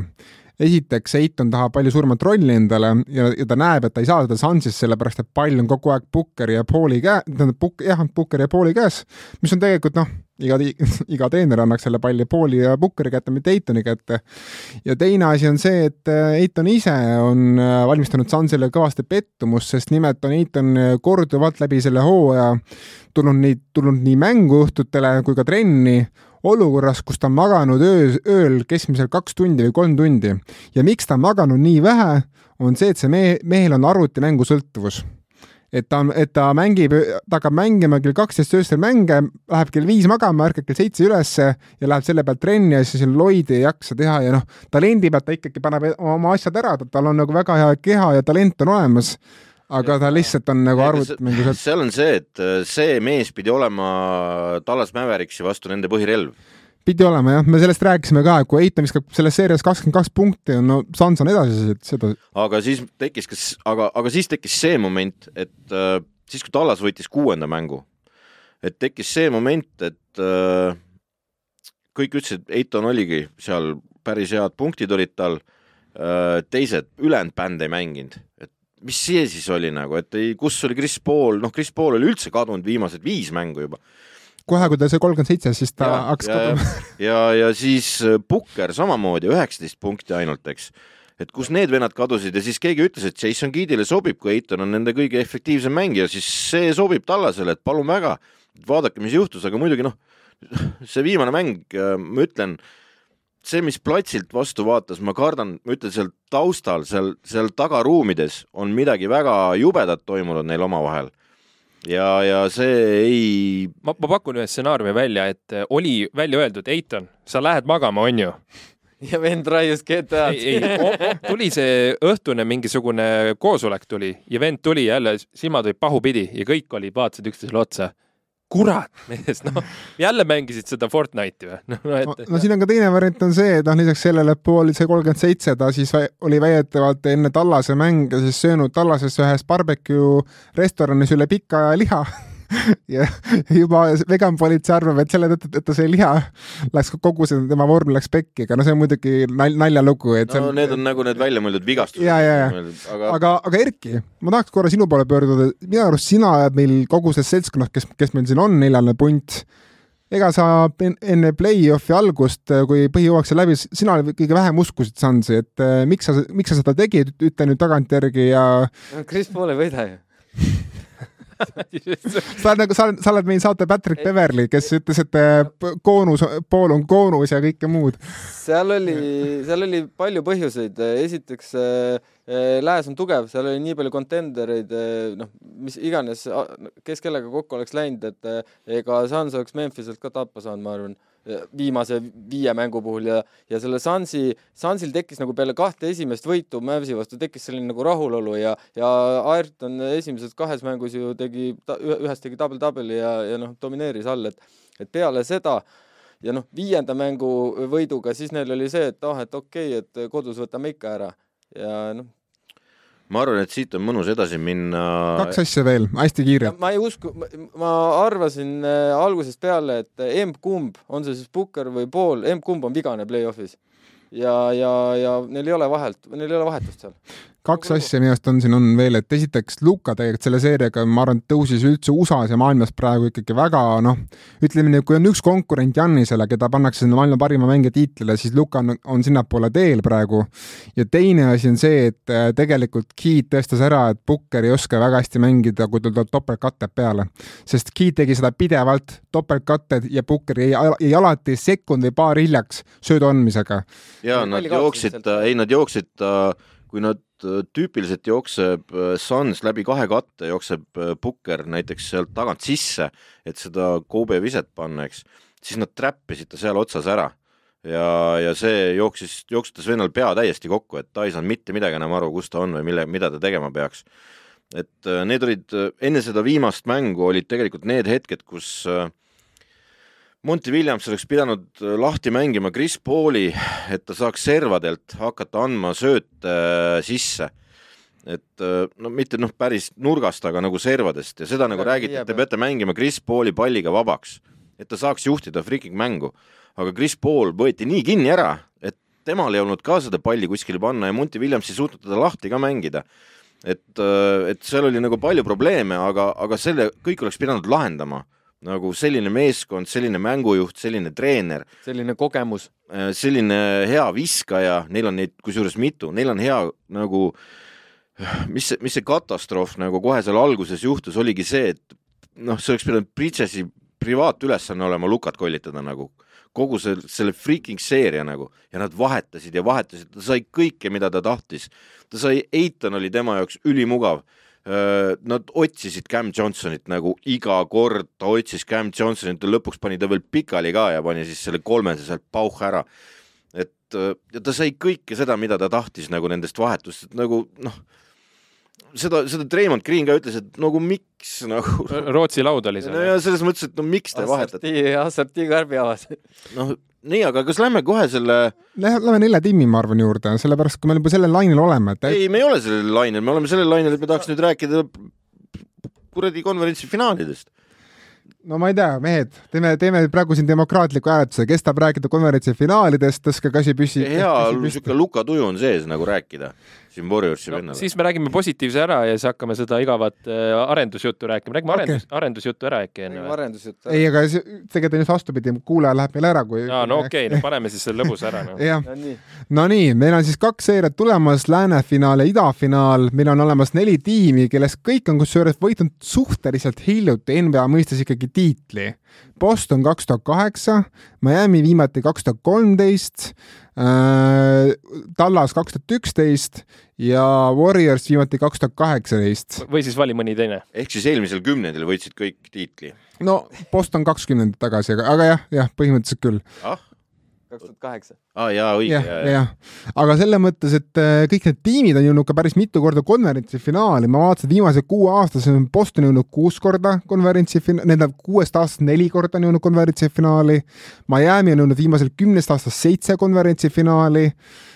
ühesõnaga oota, oota ja äh, sa rääkisid praegu idast puhtalt või ma tahaks rääkida, kuidas Mavericks kahe tuhande üheteistkümnendast aastast alates ei ole ühtegi nagu esimesest No- seeriat ka no võitnud. nemad ongi nüüd see nagu erand, erand seal, eks ju, nemad on see must hobune Selle selles selles nelikus. aga hakkame siis kohe mustast hobusest pihta. mehed, kas te arvate, et Mavericks nüüd paneb siit ka edasi või? noh, Erki, räägi nagu särk. neli-kaks. Warriors. millised kaks mängu võidab Tallas? kodus või? no ühe ikka kodus võidavad. nii ühe kodus võidavad ja kust teine tuleb? teine ka kodus. ei tea, las, las jääb, igal juhul palju unetuid öid on tulemas ja, ja see seeria eh, noh, kuue mänguni läheb kindlasti ja, ja seal on nii palju aspekte, nii palju olukordi, mis saavad määravaks. mida sa kardad Warriorsi fännina? õhukest pinki, mida sa arvad, mis on Warriorsi suurim eelis Mavericksi ees? tuumik. okei okay., Henri, mis sinu tunded on selle seeriaga?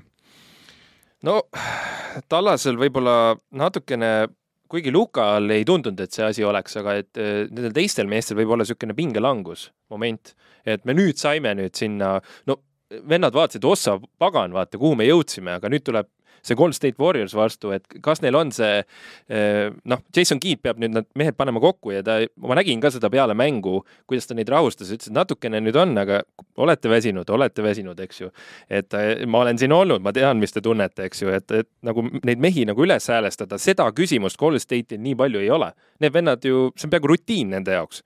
nüüd vaatavadki, Tallas tuleb, et ülikihvt ja Neil alles läheb põnevaks, nemad jõuavad sinna oma ei ole nad nii rahulolevad midagi.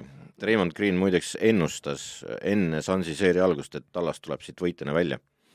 jah, no Ja tema oskab paisata jah. jah, ja, ja räägi edasi. ei, mul mul mingit pikka mõtet ei ole, aga mina ütlen, et pigem siin ongi see, millele ma mängiks, on see, et kas Tallasel on see kogemus sees nüüd olemas, et nüüd jõuti sinna, kuhu taheti jõuda ja kas nad nüüd saavad aru, mida edasi teha.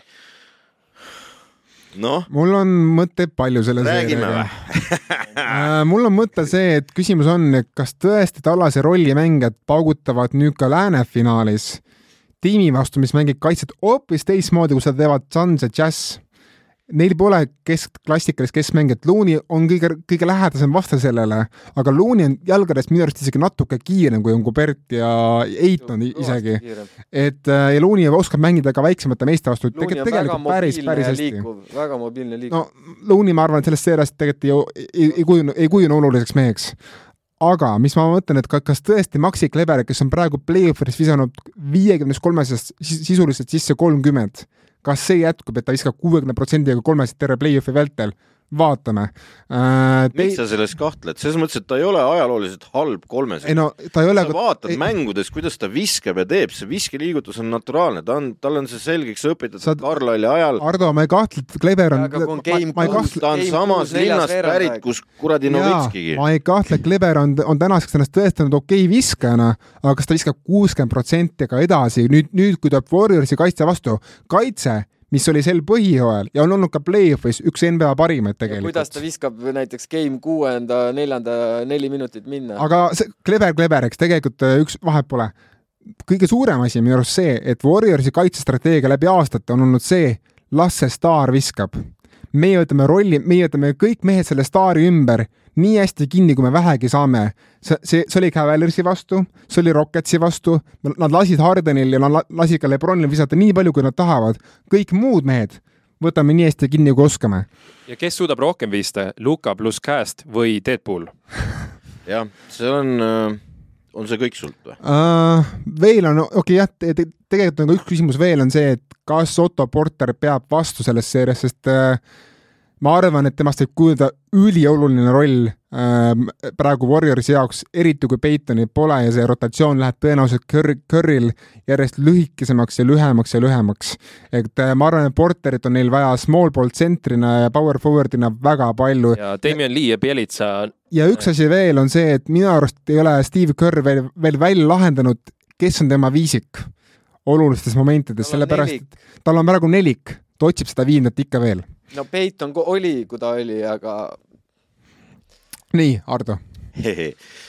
Äh, mida on pakutud, kes hakkab tegelema Luka Dontšitšiga?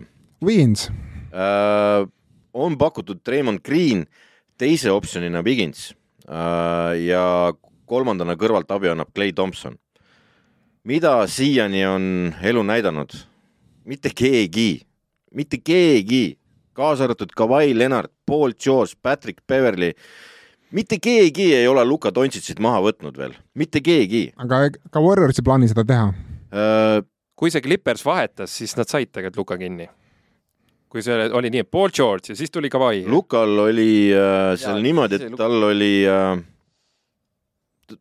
ta on teine tase hetkel. no ta on, sealt on edasi läinud, selles mõttes, et see play-off'i variant, mida, mida Luka Dontšis praegu mängib, on, on natukene teisest mastist. Luka on praegu play-off'ide vaata et parim alles jäänud mängija, see on ka see oli päris hea väide, jah, ma kuulsin ka seda, et äh, kogu selle nelja meeskonna peale, kes on parim mängija, on Luka Dontšis, eks ole, Dallas Mavericks on see, kellel see mängija on.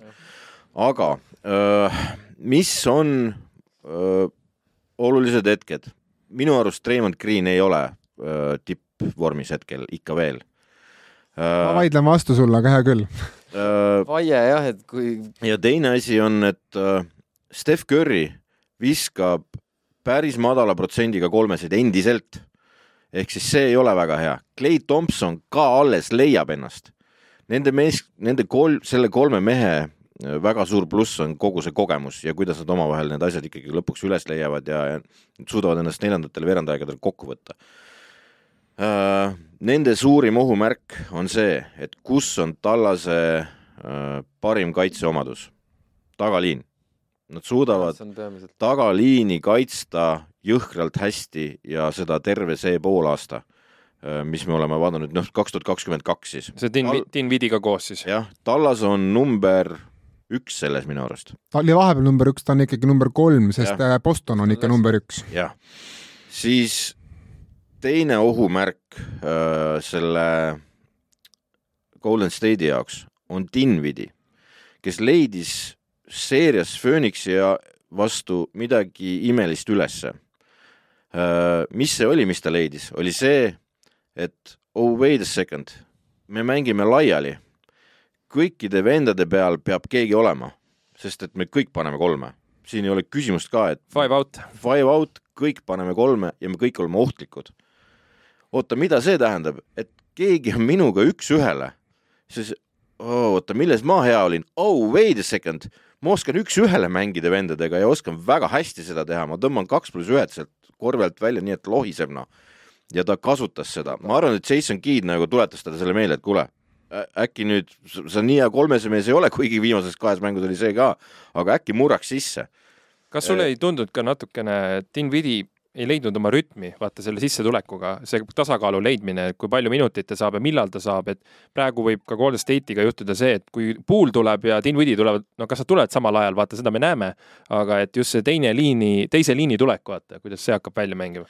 Äh, praegu mängiti niimoodi, et Branson vahetati välja Dinvidi vastu ja Luka jäi veel sisse. ehk siis need kaks toimetasid, see tähendas seda, et äh, Dinvidile tema sissetuleku hetkel jäi väga palju ruumi, kui sa vaatad platsi peal, kuidas nad asuvad, siis äh, Luka on täiesti teises servas. see tähendab seda, et see tugev kaitse, noh, kõige tugevam kaitsemängija, kes sul on, peab olema Luka Dontšitsi peal. ja Need olid see just seeria viimased mängud pigem, eks ju, sest ennem ja, isegi ja, ja ta tegi muud ja, moodi ka. ja, ja, ja just see näiteks Game Sevenis oli see ideaalselt, Luka ei teinud mitte midagi kohati, paar minutit. sai puhata. ja ta istuski seal eemal, aga see kõige parem kaitsemängija, kes teil on, see peab olema Lukaga. ja, ja ta istuski seal oma pritsesiga ja Dinvidi sai toimetada, ta noh, tundis mõnu, oli näha, vend tuli värskena ja hakkas paugutama, võttis ette need vennad ja noh, seal kukkus see mass selle peal täitsa maha. aga ta tunneb ennast mugavalt selles, see olukord on, on praegu Giidi poolt lahendatud hästi seal rünnakul. ei tohi unustada, Golden State Warriors oli väga hea kaitsemeeskond, väga hea kaitsemeeskond, olenemata kõikidest nendest vigastuste virvarridest. jätkuvalt hea kaitsemeeskond, väga hea kaitsemeeskond. aga et nad mängisid Memphisega nii, nagu nad mängisid äh, ja kaotasid ka mängu, kus ei olnud Ja Moranti, siis äh, kui suudab Giid hoida seda tuumikut, ma ei arva, et Looney on parem kui ükski tallase tsentritest. no Taubelist on parem ma see, see ragin seal korvi all võib päris hea olla. Nad on suhteliselt sama, sama vitsaga löödud seal. no Looney on targem mängija lihtsalt. ja Looney'l on rohkem kogemust, eriti see play-off. Powell on jalast parem jälle. play-off seeriat. aga teine teema, et äh, Memphis jooksis nagu segased, aga Tallas. Tallas on liiga aeglasem tiim tegelikult. nüüd hakkab see Luka tempo tulema, Bransoniga nad jooksid, aga Luka hakkab nüüd seda. jaa, aga nad esimese mängu kohe ju hävisid ka sellega, eks ole, et Luka tuli, aga pärast leiti see rütm, mis on õige ülesse. just. aga ja... no natukene nüüd võtame korraks seda, korraks, korraks võtame optimismi ka Määrikse poolelt maha. Nad mänginud, nad on mänginud Jazzi ja Sansiga. Sansil on tegelikult terve, terve seeria peale ainult üks mees kes tõi väga stabiilselt nagu oma punktid ära, see oli Pukker.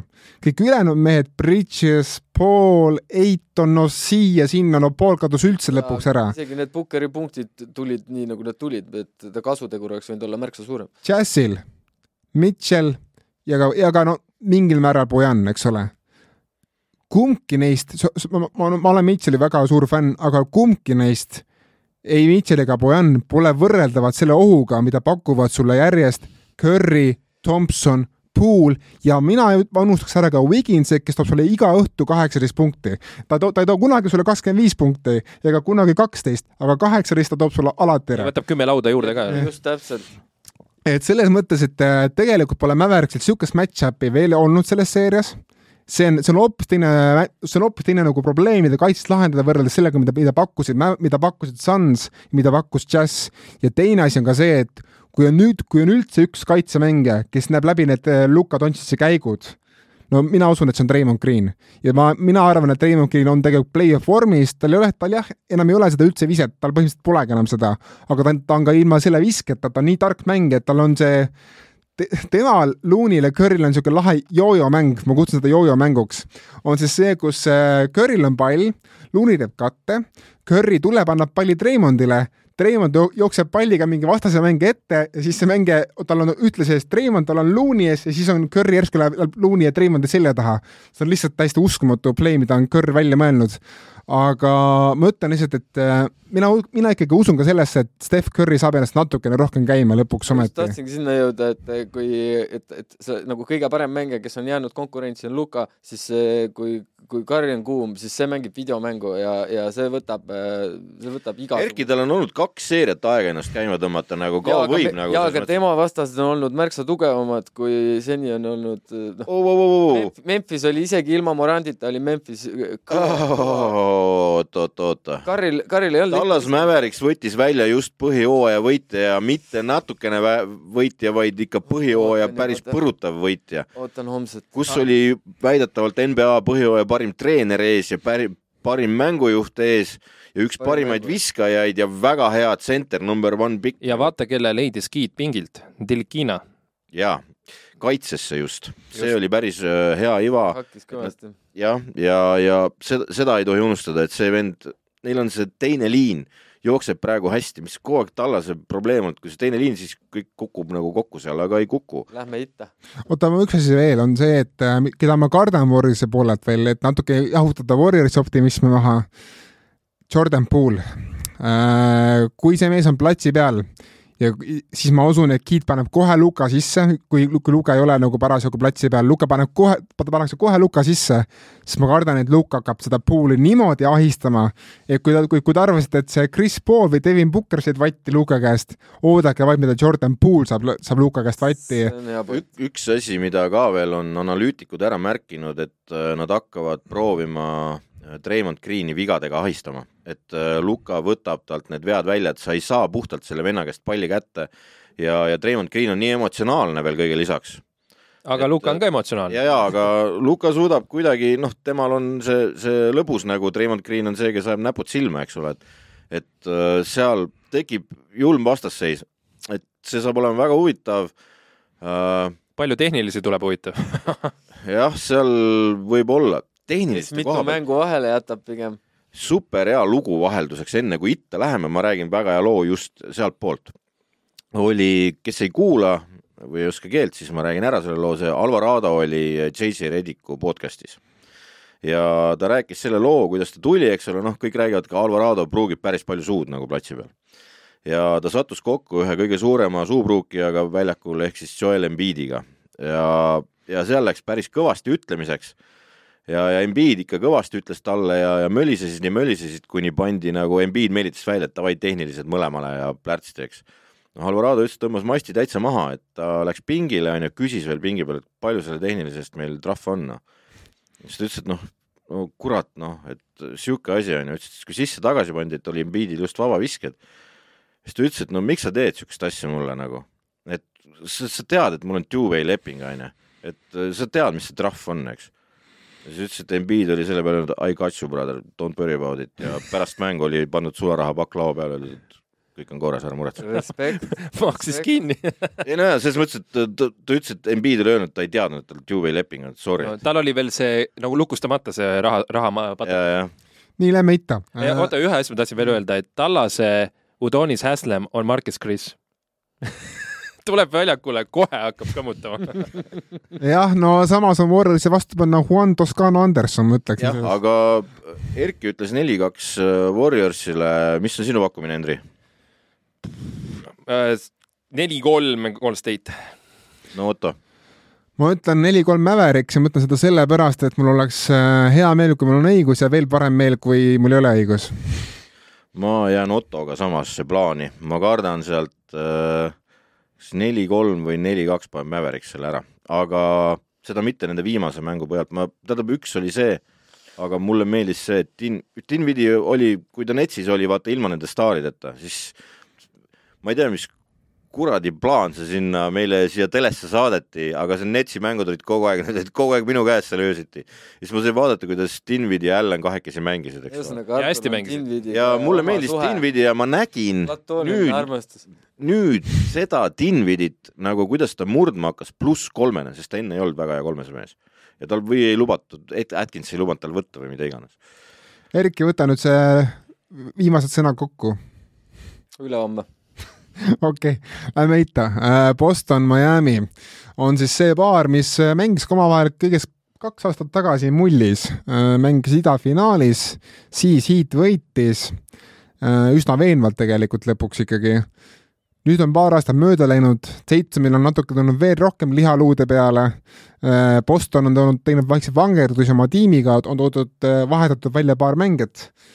Heatil suhteliselt sarnane tuumik, mis ka mullis, aga on muutunud ig- ig- igasugu rollimängijad tegelikult ju ümber, et on toodud Max Truss ja Gabe Vincent ja Dwayne Detmond, noh, siuksed nagu ping, no ühesõnaga head tõendused. jah, aga tegelikult see tuumik on suhteliselt sama kui välja jätta Kyle Lauri, kelle puhul me ei tea, kas ta, kas ta selles seerias mängib ja kui palju ta mängib. Oladipo, ja Oladipo ka jah, ma unustan tema ikka, ikka ja jälle ära. tundub, et tal ikka mänge on sees.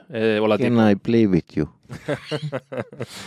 aga no hakkame siis pihta ja anname uuesti siis äh, traditsiooniliselt sõna Erkile, et äh, sina, sina, sina kui vana Bostoni fänn, kes üldse kusjuures Boston,, kusjuures siis, kui te no., siis kui te seda Milwaukee ja Bostoni seeriat lahkasite, siis ma vaatasin põhimõtteliselt kõiki neid mänge ja mul oli Holiday'st kahju, sest ta oli üksi vaesega kahe vastu ja, ja nii edasi, aga eh, Miami on hoopis, hoopis teisest puust ja ma arvan, et Tat-, Ta-, Tatum hakkab seda Beach'i Tuckeri bitsepsit saama ja seal ei tule neid kontserte, kindlasti tuleb neid kontserte, aga seeria noh, see, see saab põnev olema, et äh, põnev, oota, aga ütle, mis see tulemus on, aga seeria ja siis lõpeta see, seal lõpeta see lause, Erki. noh, ma ei ole Delfi oraakel, ehk siis seal võib siia-sinna, aga ma näen, ma, ma annaks ikkagi eelise Miami'le, sest et äh, Boston on räsitud, see, see, see kaitseseeria, mis Milwaukee'ga neil oli, see oli nagu tegelikult seal oligi nagu, seal oligi nagu maadlus, tampimine, keha kogu aeg, nagu sa ütlesid, Grant Williams arvatavasti on sinine, seal olid teised mehed samamoodi ja, ja seda Gian-, Giannis müttas täiega ja, ja tema, tema vastu, tema vastu Smart võib kõige rohkem katki olla, kui ei, see seal on, see on ülihea point nagu kogu selle asja juures, mis nüüd ootab ees Boston Celticsit, ütles Erki ära kõige olulisema asja. Boston, kas, kas Jannis võitis Boston Celticsit järgmiseks seeriaks juba?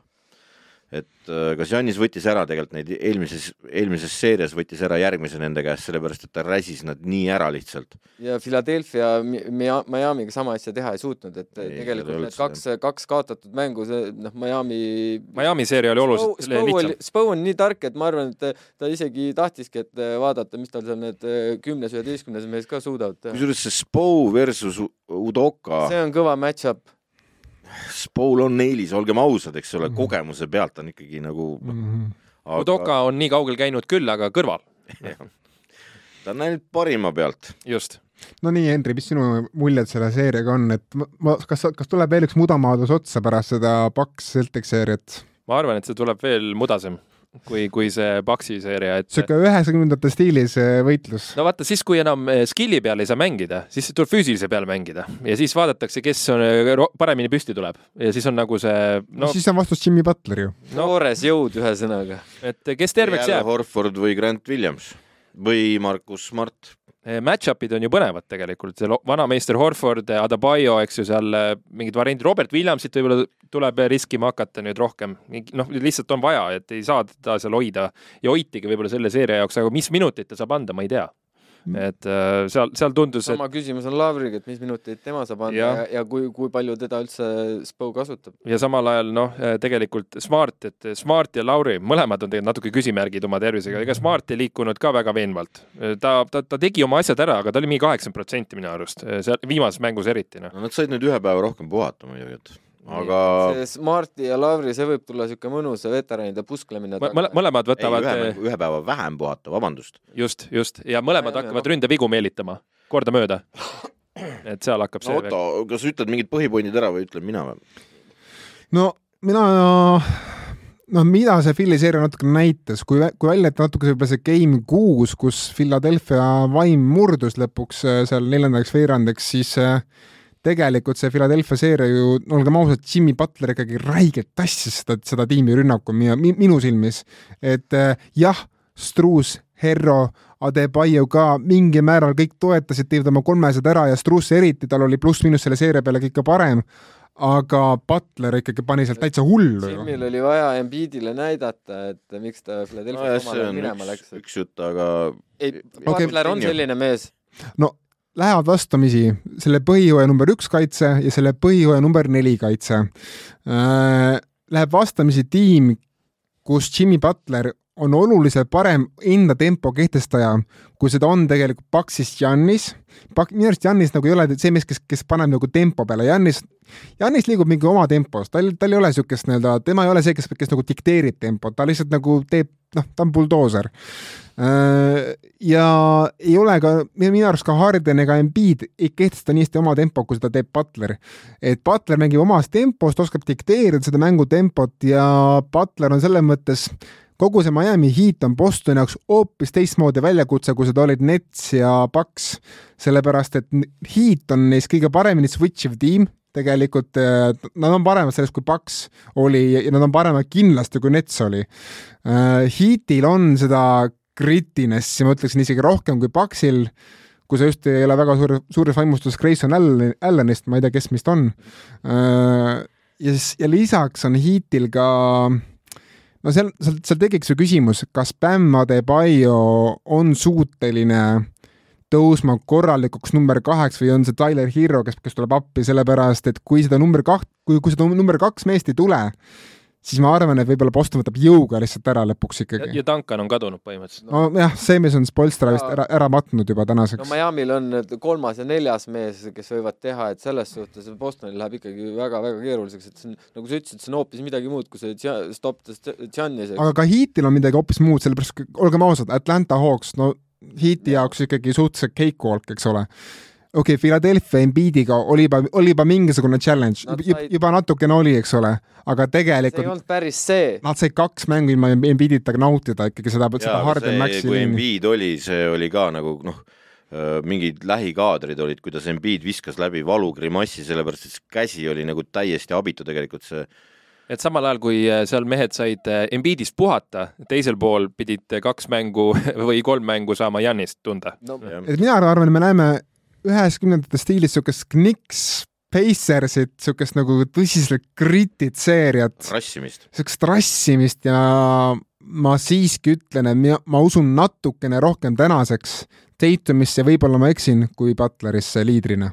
siin on nüüd see asi, ma võin rääkida Jaa. ja. ja lõpuks, see on niimoodi, et äh, hiti poole pealt, esiteks, mis on üliüllatav, on see Jimmy Butleri see skoorimine, kui sa vaatad play-off'i seda rida, noh, Luka Dontsit seal esimene, aga Jimmy Butler on teine seal.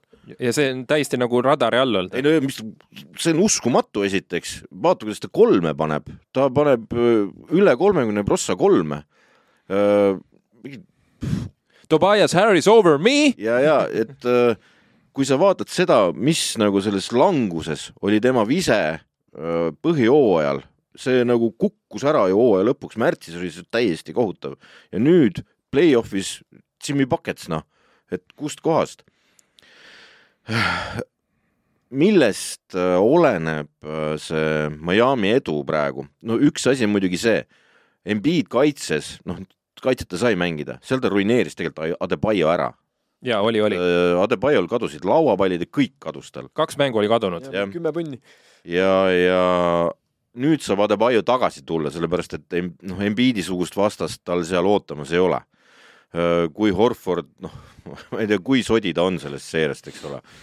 et ke- No. kel-, kes hakkab temaga tegelema, vaatame, aga Adebayo on üks neid, üks neid mehi, kellel on võimalus tulla nüüd tagasi selleks, kes ta oli nagu enne. pluss Adebayo kaitsemäng muidugi. siis oluline moment siin selles seerias on see, et kelle, kes on see, kelle, kelle punkti panusest oleneb Miami Heat'i tulemus. Miami Heat ei viska väga palju punkte, aga igal mehel on seal teatud tükk, millest, mis on Spoelstra jaoks oluline, et see, see punkti lõpupilt kokku saaks. ja siis tuleks välja vaadata, kes siis nagu maha joosta sealt nii-öelda ja, ja pakutud on analüütikute poolt, et äh, Tyler Herro joostakse maha selle peale. sellepärast, et äh, tema oleks nende jaoks kõige lihtsam target. et äh, Jimmy Buckets saab oma, oma need korvid reeglina mingi hullu võitluse peale kuskilt korvi alt Häs- ja, jah, noh, need on, need on nagu jõuga võetud punnid, mida on väga raske ära võtta, sest et ta võtab tegelikult need punnid sinu käest ära.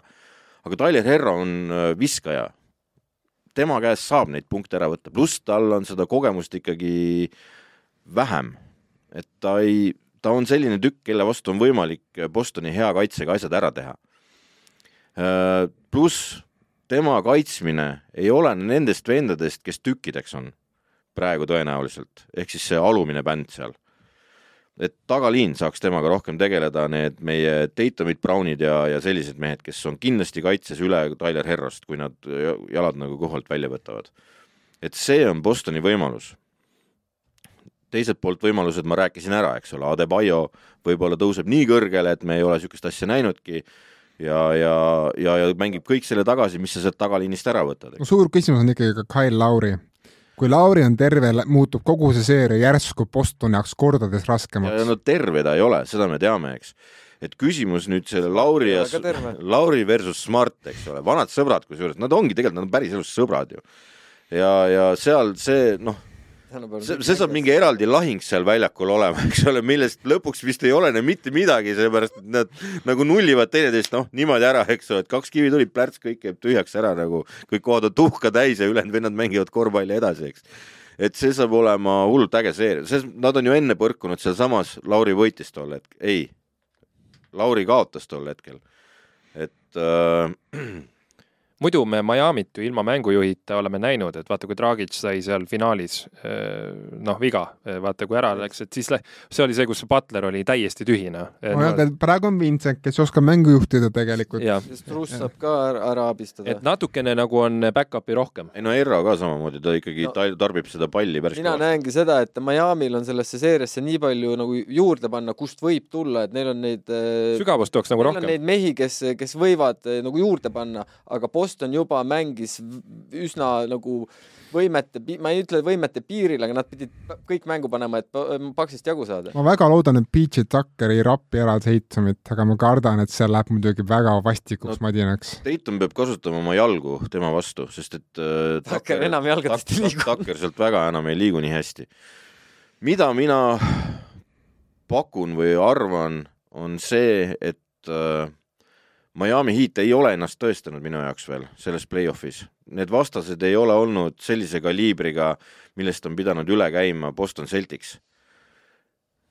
Mis siis vastupidi võib maha võtta hoopis Boston Celticsi, sellepärast et ta on mängima pidanud võib-olla kahe kõige parema meeskonna vastu, kes siin üldse nagu olid. see, kuidas nad Netsi neli-null tegid, see on ju siiamaani uskumatu. ja, ja, jaa, aga samas see Netsi seeria oli väga tihe seeria, selles mõttes see keskmine võidusumma oli vist mingi kolme punktiga võideti, et jah, jah, see skoor ei väljenda seda võitlust, mis seal oli. jah, ja Paxiga tegelikult noh, kui sa vaatasid mängu või vaatasid mingitel hetkel skoore, siis need noh, noh päris samad ei olnud, aga noh, Paxiga oli ka ju need lõpusekundi asju oli seal Paxi seeria oli teises ringis kõige parem vist, kui üldse rääkida nagu kõiki mänge ja seda keskmist kvaliteeti, sest et teised seitsmes mäng välja jätta, siis küll jah. ja et seal teised ju läksid ju, mis seal oligi, tallasel läksid ju ühte suunda, teise No, suunda ja seal oli täis põrgulikud, ainult blowout'id olidki nagu.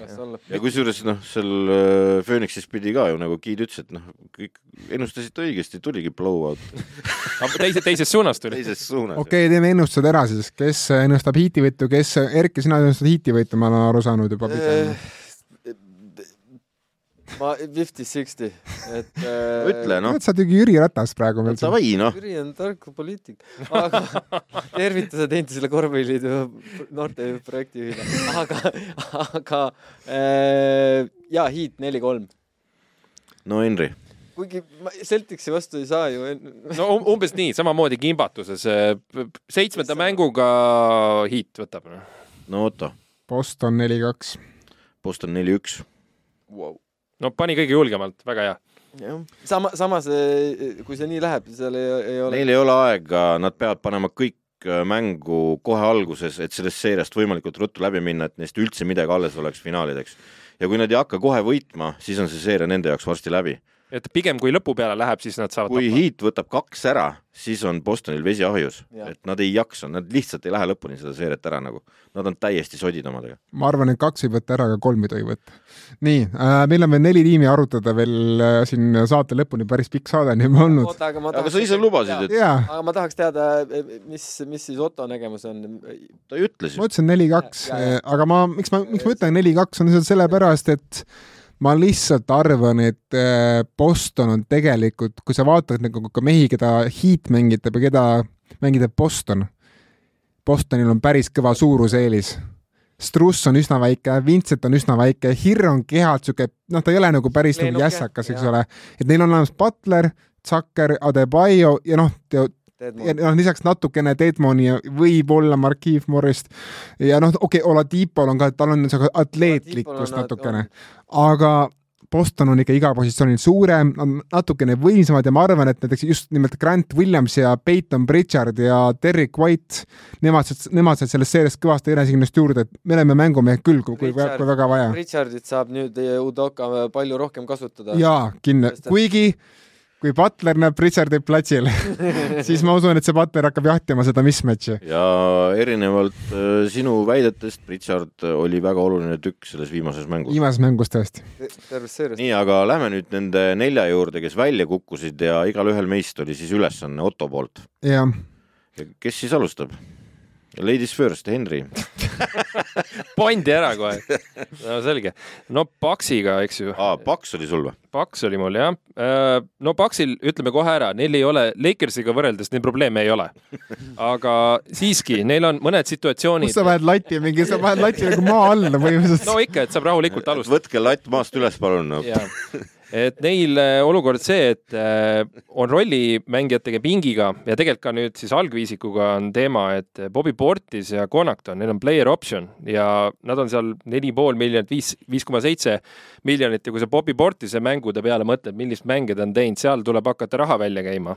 minimaalselt palju Otto võiks see mees saada? kümme koma kolm, no Ei, on wow, wow. ta, no see on, mis peab al- algus olema, ta, ta vähem ei saa saada. ei no ma arvan, et see, see summa on suurem. tänases NBA-s see ei saa kümme olla Bobby Portis. no viisteist, noh. Jah- enamuses meeskondades on see mees algviisik. ma ütleksin, et mingi kaksteist kuni viisteist, ma arvan, et Henri paneb suhteliselt õigesse ma oleks ka suurusjärku. mingi viisteist pigem pakkunud. ja, ja noh, Portis tegelikult, kui juba selle tiitli nad said, siis hakkasid ju need jutud pihta vaata ja siis nagu saadi vaat-, vaatame edasi asju, et eh, mis on nagu põhjus tal üldse mujale minna, no et kas ta läheb selle raha järgi või äh, ta teeb selle keskmise rahaga edasi, sest et tegelikult Milwaukee Bucksil on ju kõik, äh, no selgelt ollakse juba selles luksusmaksus sees ja omanikud on öelnud, et davai, maksame, aga mitte nii palju, et me nüüd siin, sest et neil on noh, Janis Antetokounmpo seal nelikümmend kaks miljonit ja Chris Middleton kolmkümmend seitse. Middletonil tuleb nüüd järgmine aasta ja tegelikult noh, nüüd saaks selle extension'i peale mõtlema hakata, aga kõik algab sellest, et kas nad saavad selle Connachtoni äh, tagasi, et äh, neil on vaja need rollimängijad kuidagi ära kindlustada ja ei ole liiga palju raha nende peale anda. Ja siis äh, sealt nagu vaadata, et noh, seal tagapool on neil päris päris tühjalt ja seal saab raha vabastada, aga kui need nelja poole miljoni ja viie koma seitsme miljoni mehed saab ära lukustada, siis on paigas, pluss noh, mida neil vaja on, eks ju. Et kui Connachtoni eh, tuleb, siis neil on nagu pingilt eh, viskamine on olemas, et siin noh, ma võtsin ka niisuguse abi, abi. ära seda, ära seda ainult viimase mängu põhjal ütle. just, just, et ja siis neil on small ja power forward'it oleks vaja, et kui Portist ei ole, et kõik tulenebki sellest, kas Connachton tuleb ja Portist tuleb, siis on palju probleemid on lahendatud, aga tuleb kogu aeg otsima hakata, neid mängijaid ei ole lihtne leida hea raha eest ja siis see point guard'i teema, no mis nüüd siin lõpus, ma seitsmendale mängule ei saa põhinema jääda, aga see George Hilli küsimus, et äh, seal, seal oli päris, päris nutune see asi, sealt ei tulnud mitte midagi et äh, neil on ka tegelikult äh, draft'ist esimese ringi valik, et sealt kedagi võtta, aga see on ju alati loto. ja ne, nad on ka teinud sihuke huvitav äh,, Otto kindlasti on seda näinud, aga see on see äh, poison restriction või kuidagi on see Grayson Allanile, et põhimõtteliselt kui mehe lased ära minna, sa pead talle selle kehtiva lepingu raha ära maksma, pluss uue lepingu, see tähendab siis, et uus tiim peaks talle maksma minimaalselt üksteist, kaksteist miljonit Grayson Allanile. praeguse mängu põhjal sa ei maksa talle seda raha. nii et Grayson Allan suuresti on paigas ja nüüd lihtsalt on küsimus, et kuidas temalt see valikud ära saada ja siis juunikuu tuleb neil päris huvitav, noh Thanassis Antetokounmpo, tal on võimalus üks koma üheksa miljonit võtta, ta ei saa rohkem küsida. ta, ta väga rahulikult võtab selle vastu. võtab vastu, on oma venna juures, saab seal vastu põrandat lüüa, kui äh, Janis seal vabalt. kusjuures ma ütlen ära selle, et Thanassis Antetokounmpo on NBA kõige parim cheerleader nagu päriselt, päriselt nagu ma, ma ei tea ühtegi teist, kes nagu oleks terve mäng lihtsalt teeks nagu tähe, täheke, tähekesi kujusid seal platsi kõrval. sa saad üks koma üheksa miljonit äh, dollarit selle eest, et sa oled kellegi vend lihtsalt. sa, noh, ta ei ole ainult vend. ei ole päris ta ei ole ainult vend, ta ei ole päris. Prove me Euro... wrong, selles mõttes, et mida see mees, me räägime, sa oled vales podcast'is, sa oled vales podcast'is, siin räägitakse NBA-st see mees saab mängu siis kui teised kõik hakkavad, kui publik läheb saalist ära, siis kui kas alla jäädakse kolmekümnega või ollakse ees kolmekümnega, siis oh, no, dressid selga. sul on selline vend. see, see ka... mees on kindlasti see, kelle kulul on tehtud seda nalja, et I challenge you, et sul järgmine mäng seal dresside all on ülikond tegelikult. ja vot siit okay. edasi lähebki teema vaat selle peale, et mida sa teed Middletoniga, kas sa hakkad talle suuri rahasid edasi maksma, et eh, ta saab kolmkümmend kolm sel hetkel, kui ta peaks nagu uus leping eh, peale hakkama. ma arvan, et sul pole muud varianti lihtsalt. et mida sa sinna asemele võtad, eks ju, ja mis seisus see mees on, eks ju, nüüd viimasel ajal tal need minutid ja, ja vigastused ja asjad, vaata, need hakkavad juba muret tege-, tegema, aga me, me nägime, kui ta on väljakul, siis see paks on, tal on veel üks-kaks väga teravat hooaega Middletoniga. et no võib-olla rohkem, eks ju. Et Jannisega ei ole probleem, pigem see, kuidas sa selle cast'i talle ümber paned ja Middleton sinna sobib väga hästi. Palju tal vanust on? kas Middleton on kolmkümmend minu arust või? Äh, ja küsimus on just selle, tal on vaata järgmine aasta mm, -hmm. siis on see player option'i mm -hmm. moment, ehk siis, et äh, kui saab nüüd teised no, lülid paika, no. no ta võtab ilmselt ja, et tal ei ole, kuhu ta ikka läheb, eks ju, ja, ja siis talle peab maksma ka ühtlasi, et pole mingit valikut, eks ju ja noh, seal noorte valikud, seal on Pudi-Padi on, aga siis edasi tuleb see Brook Lopesi küsimus et.... see on väga suur küsimus yes.. et äh, temale, kuidas sa hakkad seal raha maksma, et äh, ka suuri summasid tahab see mees ja talle mm. ei saa vähe maksta. mitte ainult see, et mida sa talle maksa, vaid pigem see, et keda sa koolitad ta mantlipärijaks, sellepärast et kui Lopes võtta ära sealt paksist, kogu kogu Paksi kaitse muundub peaaegu täielikult ja võib-olla see ongi paratamatus, et Janis peabki muunduma aja jooksul nagu tsentriks, võib-olla see ongi nagu vältimatu, aga minu arust Janis ei ole nii heas rollis, kui ta, kui ta on tsentris, et talle so sobib see niisugune suure ääre positsioon paremini, kus nagu Lopes jääb sinna korvi alla passima, tema saab olla abistav kaitse, mitte see ankur, et äh, minu arust Lopese küsimus on, on, on Paksi lähitulevikus kõige olulisem koos sellega, et kuna neil on käpp noh, neil on see cap space on nagu noh, olgem ausad, pekkis. siis nad peavad kuidagi nagu leidma noori nagu minimaalse raha eest, keda panna nagu pikalt kinni nagu OKC tegi tortiga. neli aastat saab, mees saab mingi kopikaid selle, selle nelja aasta eest. et äh, kui nad leiavad siukseid andekaid undrafted noori, no ma ütlen, sinu Fred Van Vlietid, eks ole, kelle saab, kelle saab panna pikaks ajaks odavalt kinni, see on see Paksi nagu võtmeküsimus. Kotsar. Cheerleader'id nad panid pikaks ajaks kinni no ja... Luka Vildosa pole, pole lahendus, pole lahendus ka see Sandro Mamukelašvili ja kõik just muud. see, see Sloveenia kutt, kellest me oleme rääkinud, kes on G-liigas tegelikult mingi hull skoorija. see Lukas Amanitš no näiteks, jaa. minu arust me peame tegema mingi Lukas Amanitši fännklubi. no näiteks jah, teeme, teeme. ma isegi mingi hetk mõtlesin selle peale. ja Samanitš. aga temast ei tule ju mingit Borsingist või asja. ja, ja aga samas on jälle see, et see Dragan Pe-, Dragan tunnistama, et, et äh, nii Euroopas kui, kui Ameerikas on, on seesama probleem, ehk siis see suure mehe probleem.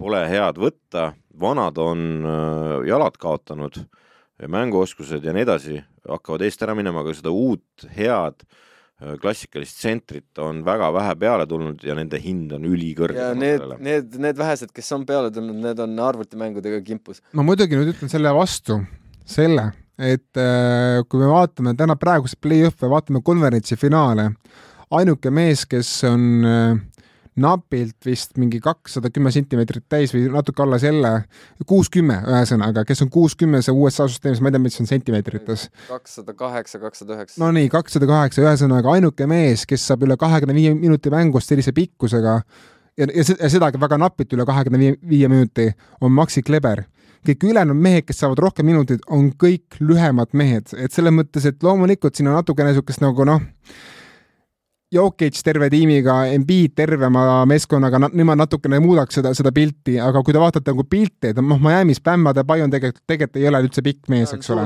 ta on oma no,. nii lühike ta ei ole no,. ta võiks vabalt suurt äärt mängida, kui Ro... seal oleks kõrval korralik. jah, Al Horford ja Robert Williams ei ole nüüd mingi kõige suuremad mehed maailmas, eks ole, et äh, tegelikult ma arvan, see mäng. Robert Williams on ikka kuus-kümme midagi. meest on kuus-kaheksa kusjuures. ei, ta on ka lühi-, väike mees kusjuures. ta mäng, tundub jälle suur. tal on lühike kael lihtsalt, selle aga tätokat täis. jah, aga hea küll, ühesõnaga ma seda ütlen seda, minu arust see korvpall muundub selliseks, et need pikad ääred on uued tsentrid. aga Nii. võta kokku minu küsimusega või minu küsimusele vastates, kas Paks on järgmine aasta jälle tiitliküsija? no kindlasti on, et aga noh, mida ta saab siin juurde panna, et see on küsimus, et äh, see pingil on see kõik see küsimus. viskamist on vaja juurde. kolmest, noh kolmest, eks ju, mis oli tõsine mure, aga see tulenes Middletonist, eks ju, nüüd siin lõpus eriti. aga seda peaks tugevdama, et me ei jõua järgmine aasta samasse kohta, et, et oleme jälle kuskil väga-väga kehvade, mis olid, rekordiliselt halvalt visati kolme, noh jah, lähme edasi, Erki. ma jätkan Philly'ga, siis Philly kindlasti Nii. on ka enda arvates tiitlinõudleja järgmisel aastal eh,. aga eh, ida, ida tipp ta kindlasti on ja neil on pusletükid olemas, aga kui juba Embiid kurdab, et tal ei ole vajalikke kaitsjaid ja ja ta, ma ühte pikemat intervjuud Embiidiga, siis Embiid püüdis nagu pehmendada seda, et Harden on nüüd nagu mängujuht ja et neil on nagu kõik väga hästi, aga ma ei tea noh, kindlasti neil ongi hästi, sest et eh, eh, Embiidil on nagu nüüd korralik eh, sellisel tasemel mängujuht, aga, aga see ülejäänud pull ja see Tobias Harrise küsimus nüüd, mis nad, mis nad, mis nad suvel sellega teevad ja ja tundes Morrit kindlasti Philadelphia hakkab vahetama.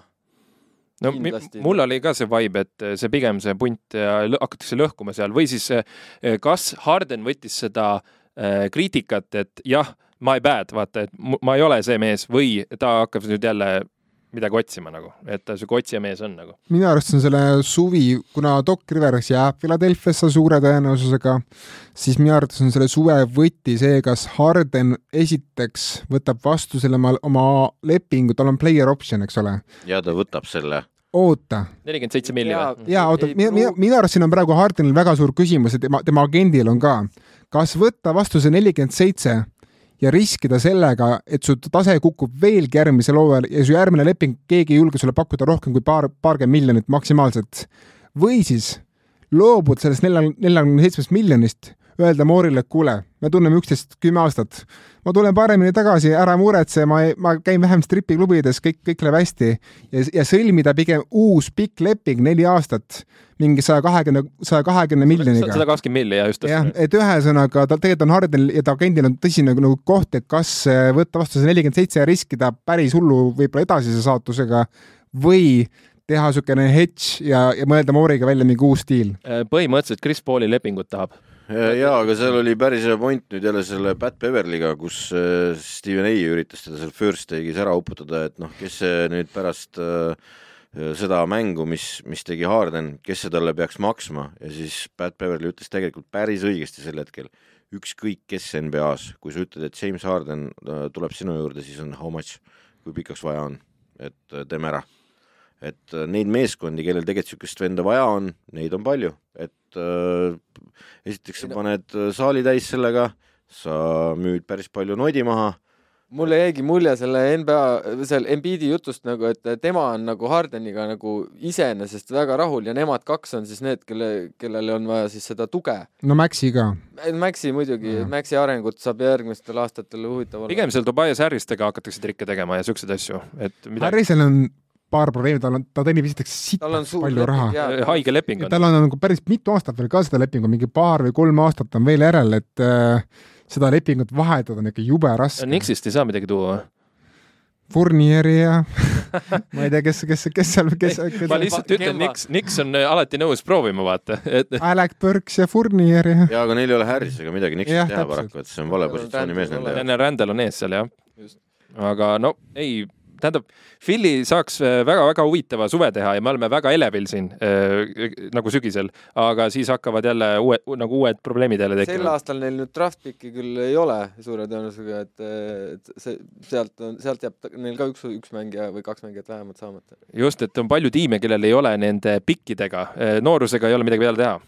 No viimane, viimane lühike kommentaar Philliga on see, et lisaks Maxile, no nüüd on nagu päriselt do or die suvi on käes Tybullil ja mingis mõttes ka sellel Keeliga MVP-l Paul Reidil, et kui need kaks nüüd ei pane midagi juurde suvega, siis sorry, aga Furkan Korkmaz läheb samasse puntrasse. no Korkmas, ma arvan, üldse Euroopas oota varsti., DeAndre Jordan on ka neil või? no ta läheb ära sealt kohe.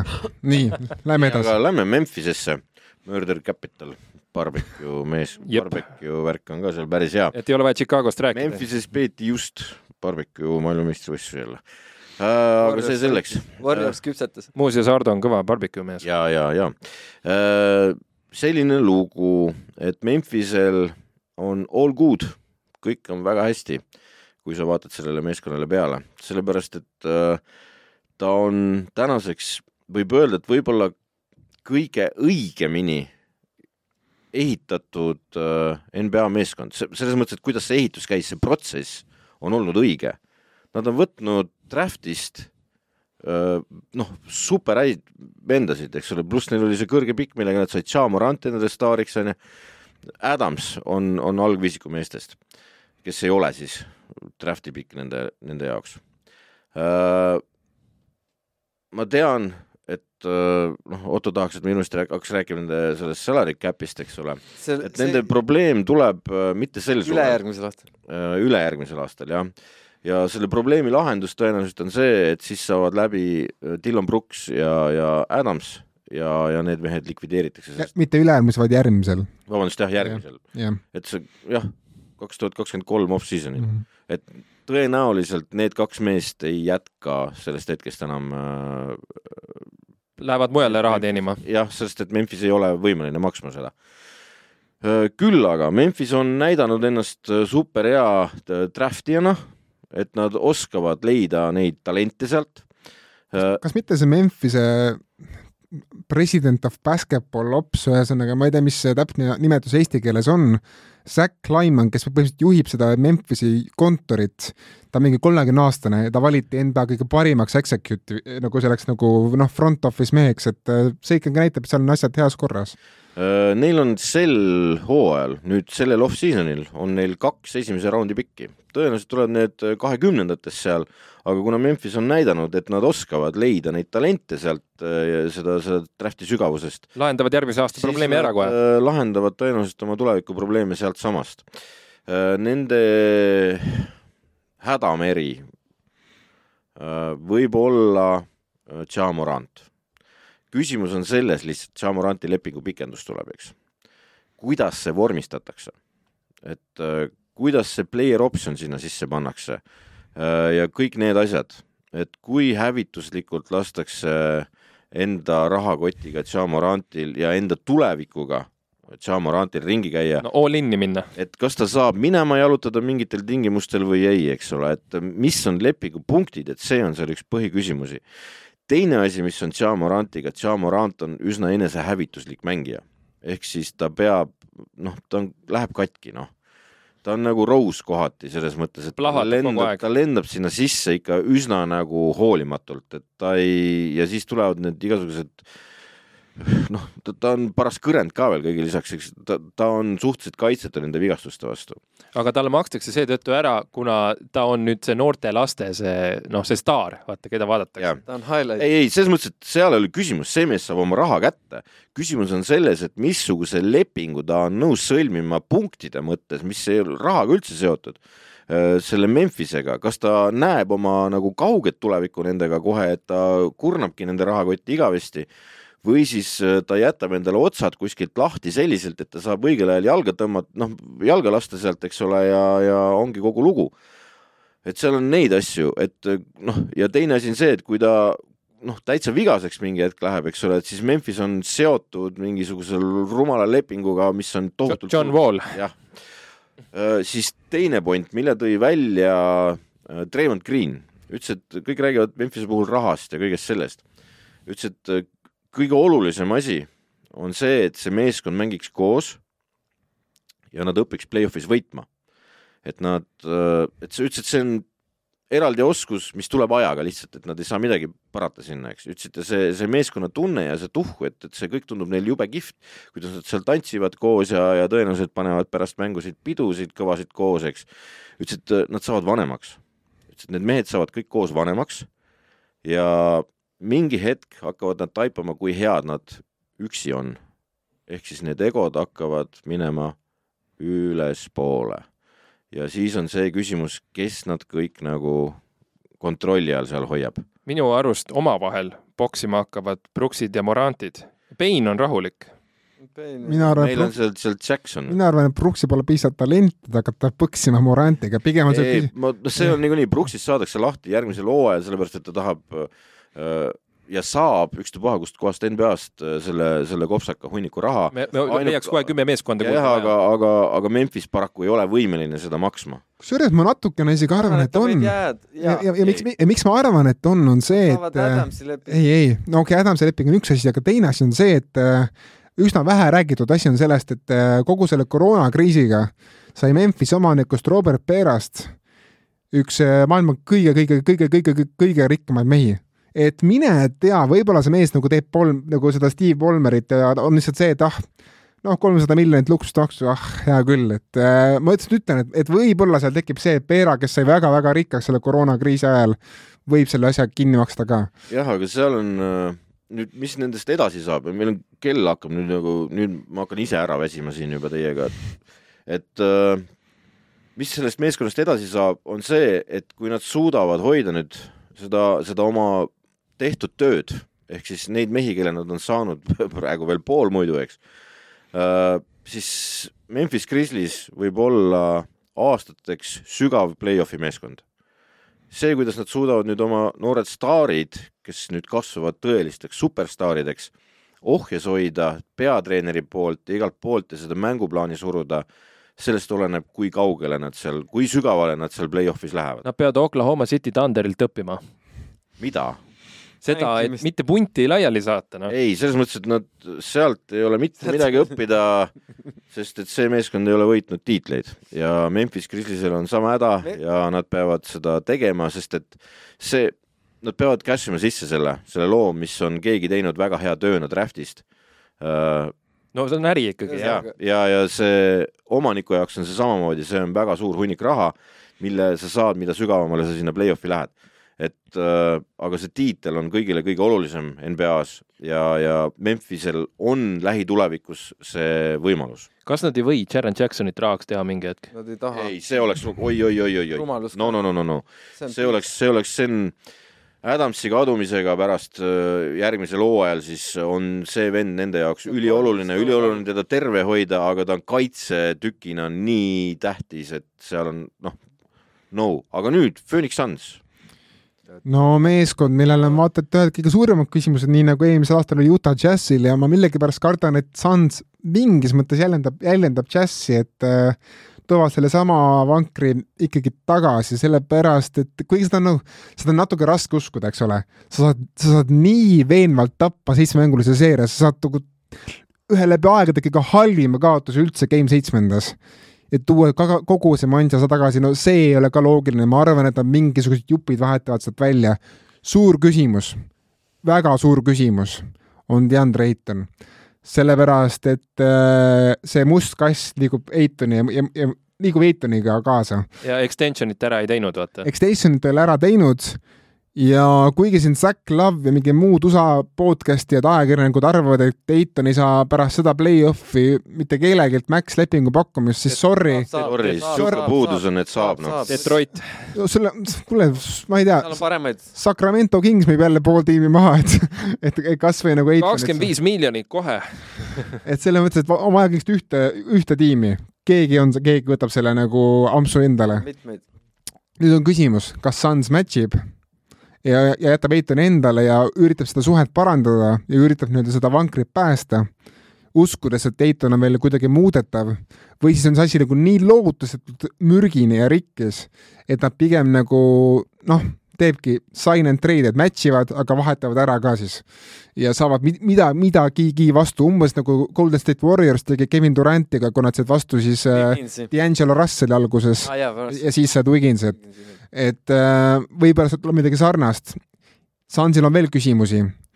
Chris Paul, kolmkümmend seitse ja jälle vigastus play-off'ide ajal, noh, me, me ei tea täpselt, kui suur vigastus see oli, aga mees ei olnud ikkagi päris ta ise.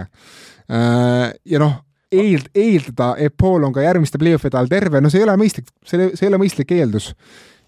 teine asi, mis neil on, pink, tegelikult kui sa vaatad seda pinki play-off'ide ajal, siis põhjujärel see pink töötas play-off'ide ajal, sorry, aga ainukene mees, kes saab pingilt nagu midagigi stabiilsemalt tõi, oli, oli Cameron Johnson, sest McGee. McGee oli ka.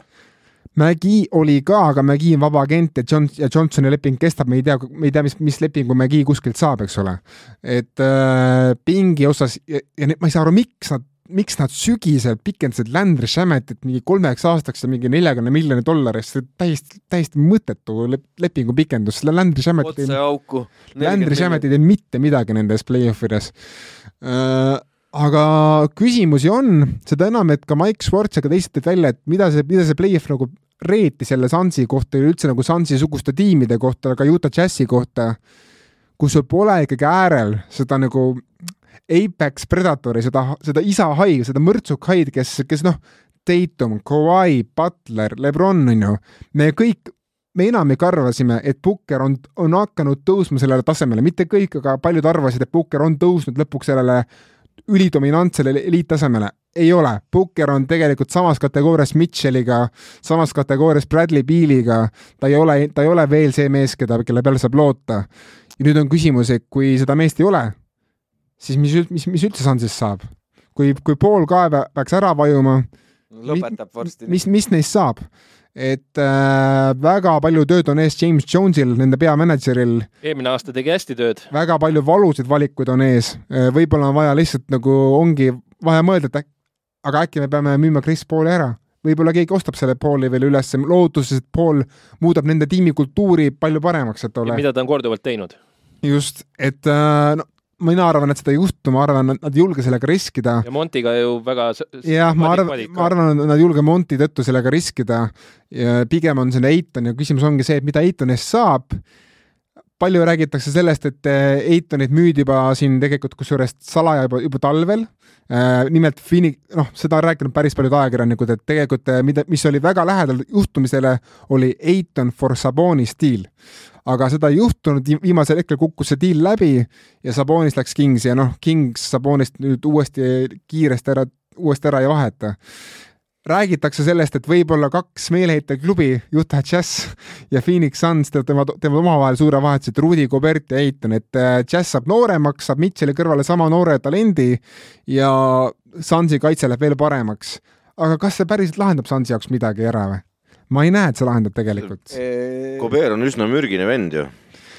ei tea jah, ühesõnaga küsimusi on palju ja nüüd, kui Eitoni kohta tulevad siuksed nagu päris mürgised raportid välja ka, et see mees, noh, arvutimängud on tähtsamad kui korvpall. oota, kas tal esimene hooaeg oli ka selle võidiga mingi teema või? tal oli dopinguga mingi Dopinguga teema. jah, et äh, on palju küsimusi selle kahe tuhande kaheksateistkümnenda aasta drafti avavalikuga, keda Suns valis ju Mäveriks ees oli Arizona ülikooli poiss ja tunti kohustust, et meil on vaja Arizona ülikooli poiss tuua Arizona osariigi klubisse. mis võeti mehega peatreeneri koha peal, kes praegu istus giidi kõrval abitreeneri koha peal või? ja Igor Kokoškov ka, ma arvan, naeris pihku selle kogu selle seeria ajal uh, ma ei kadesta Sunsi, ma arvan, et kui Suns järgmisel hooajal võidab hästi palju mänge, siis kõik võtavad neid kui, kui, kui Utah Jazzi, mitte keegi pärast seda asja ei usu enam neisse samamoodi neil on vaja väga palju ennast tõestada ja ma isiklikult ei, ei tea, kas neil enam üldse kunagi nii head võimalust tuleb, nagu seda oli eelmine aasta finaal. et nüüd räägitaksegi sellest eelmise aasta heast võimalusest, teised olid kõik vigased, said läbi sealt. see aasta vigaseid ei ole ei no see aasta veel on, eks ole, olid tegelikult, see aasta oli wide open race tegelikult on, olgem ausad. ja praegu, no järgmisel aastal tulevad Clippers tagasi, tuleb Nuggets tagasi. see võistlus läheb järjest karmimaks ja mina arvan, et Sunsi päike hakkab loojuma okei okay,, aga see on väga hea koht, et äh, vaadata sinna kaamerasse, öelda kõigile, et subscribe'ige äh, saatke meile küsimustega kirju, kui teil on. kuues viga, et Te võite ka kirjutada, kui saade on liiga pikk ja te jäite magama praegu siis äh, kui teil on tahtmine teha endale mingit sellist podcast'i moodi asja videona või, või helina, siis otsige üles podcastrent.ee. panustage Optibetis ja nüüd lehva-lehva. vaadake NBA-d. muidugi. tšau. tšau. tšau.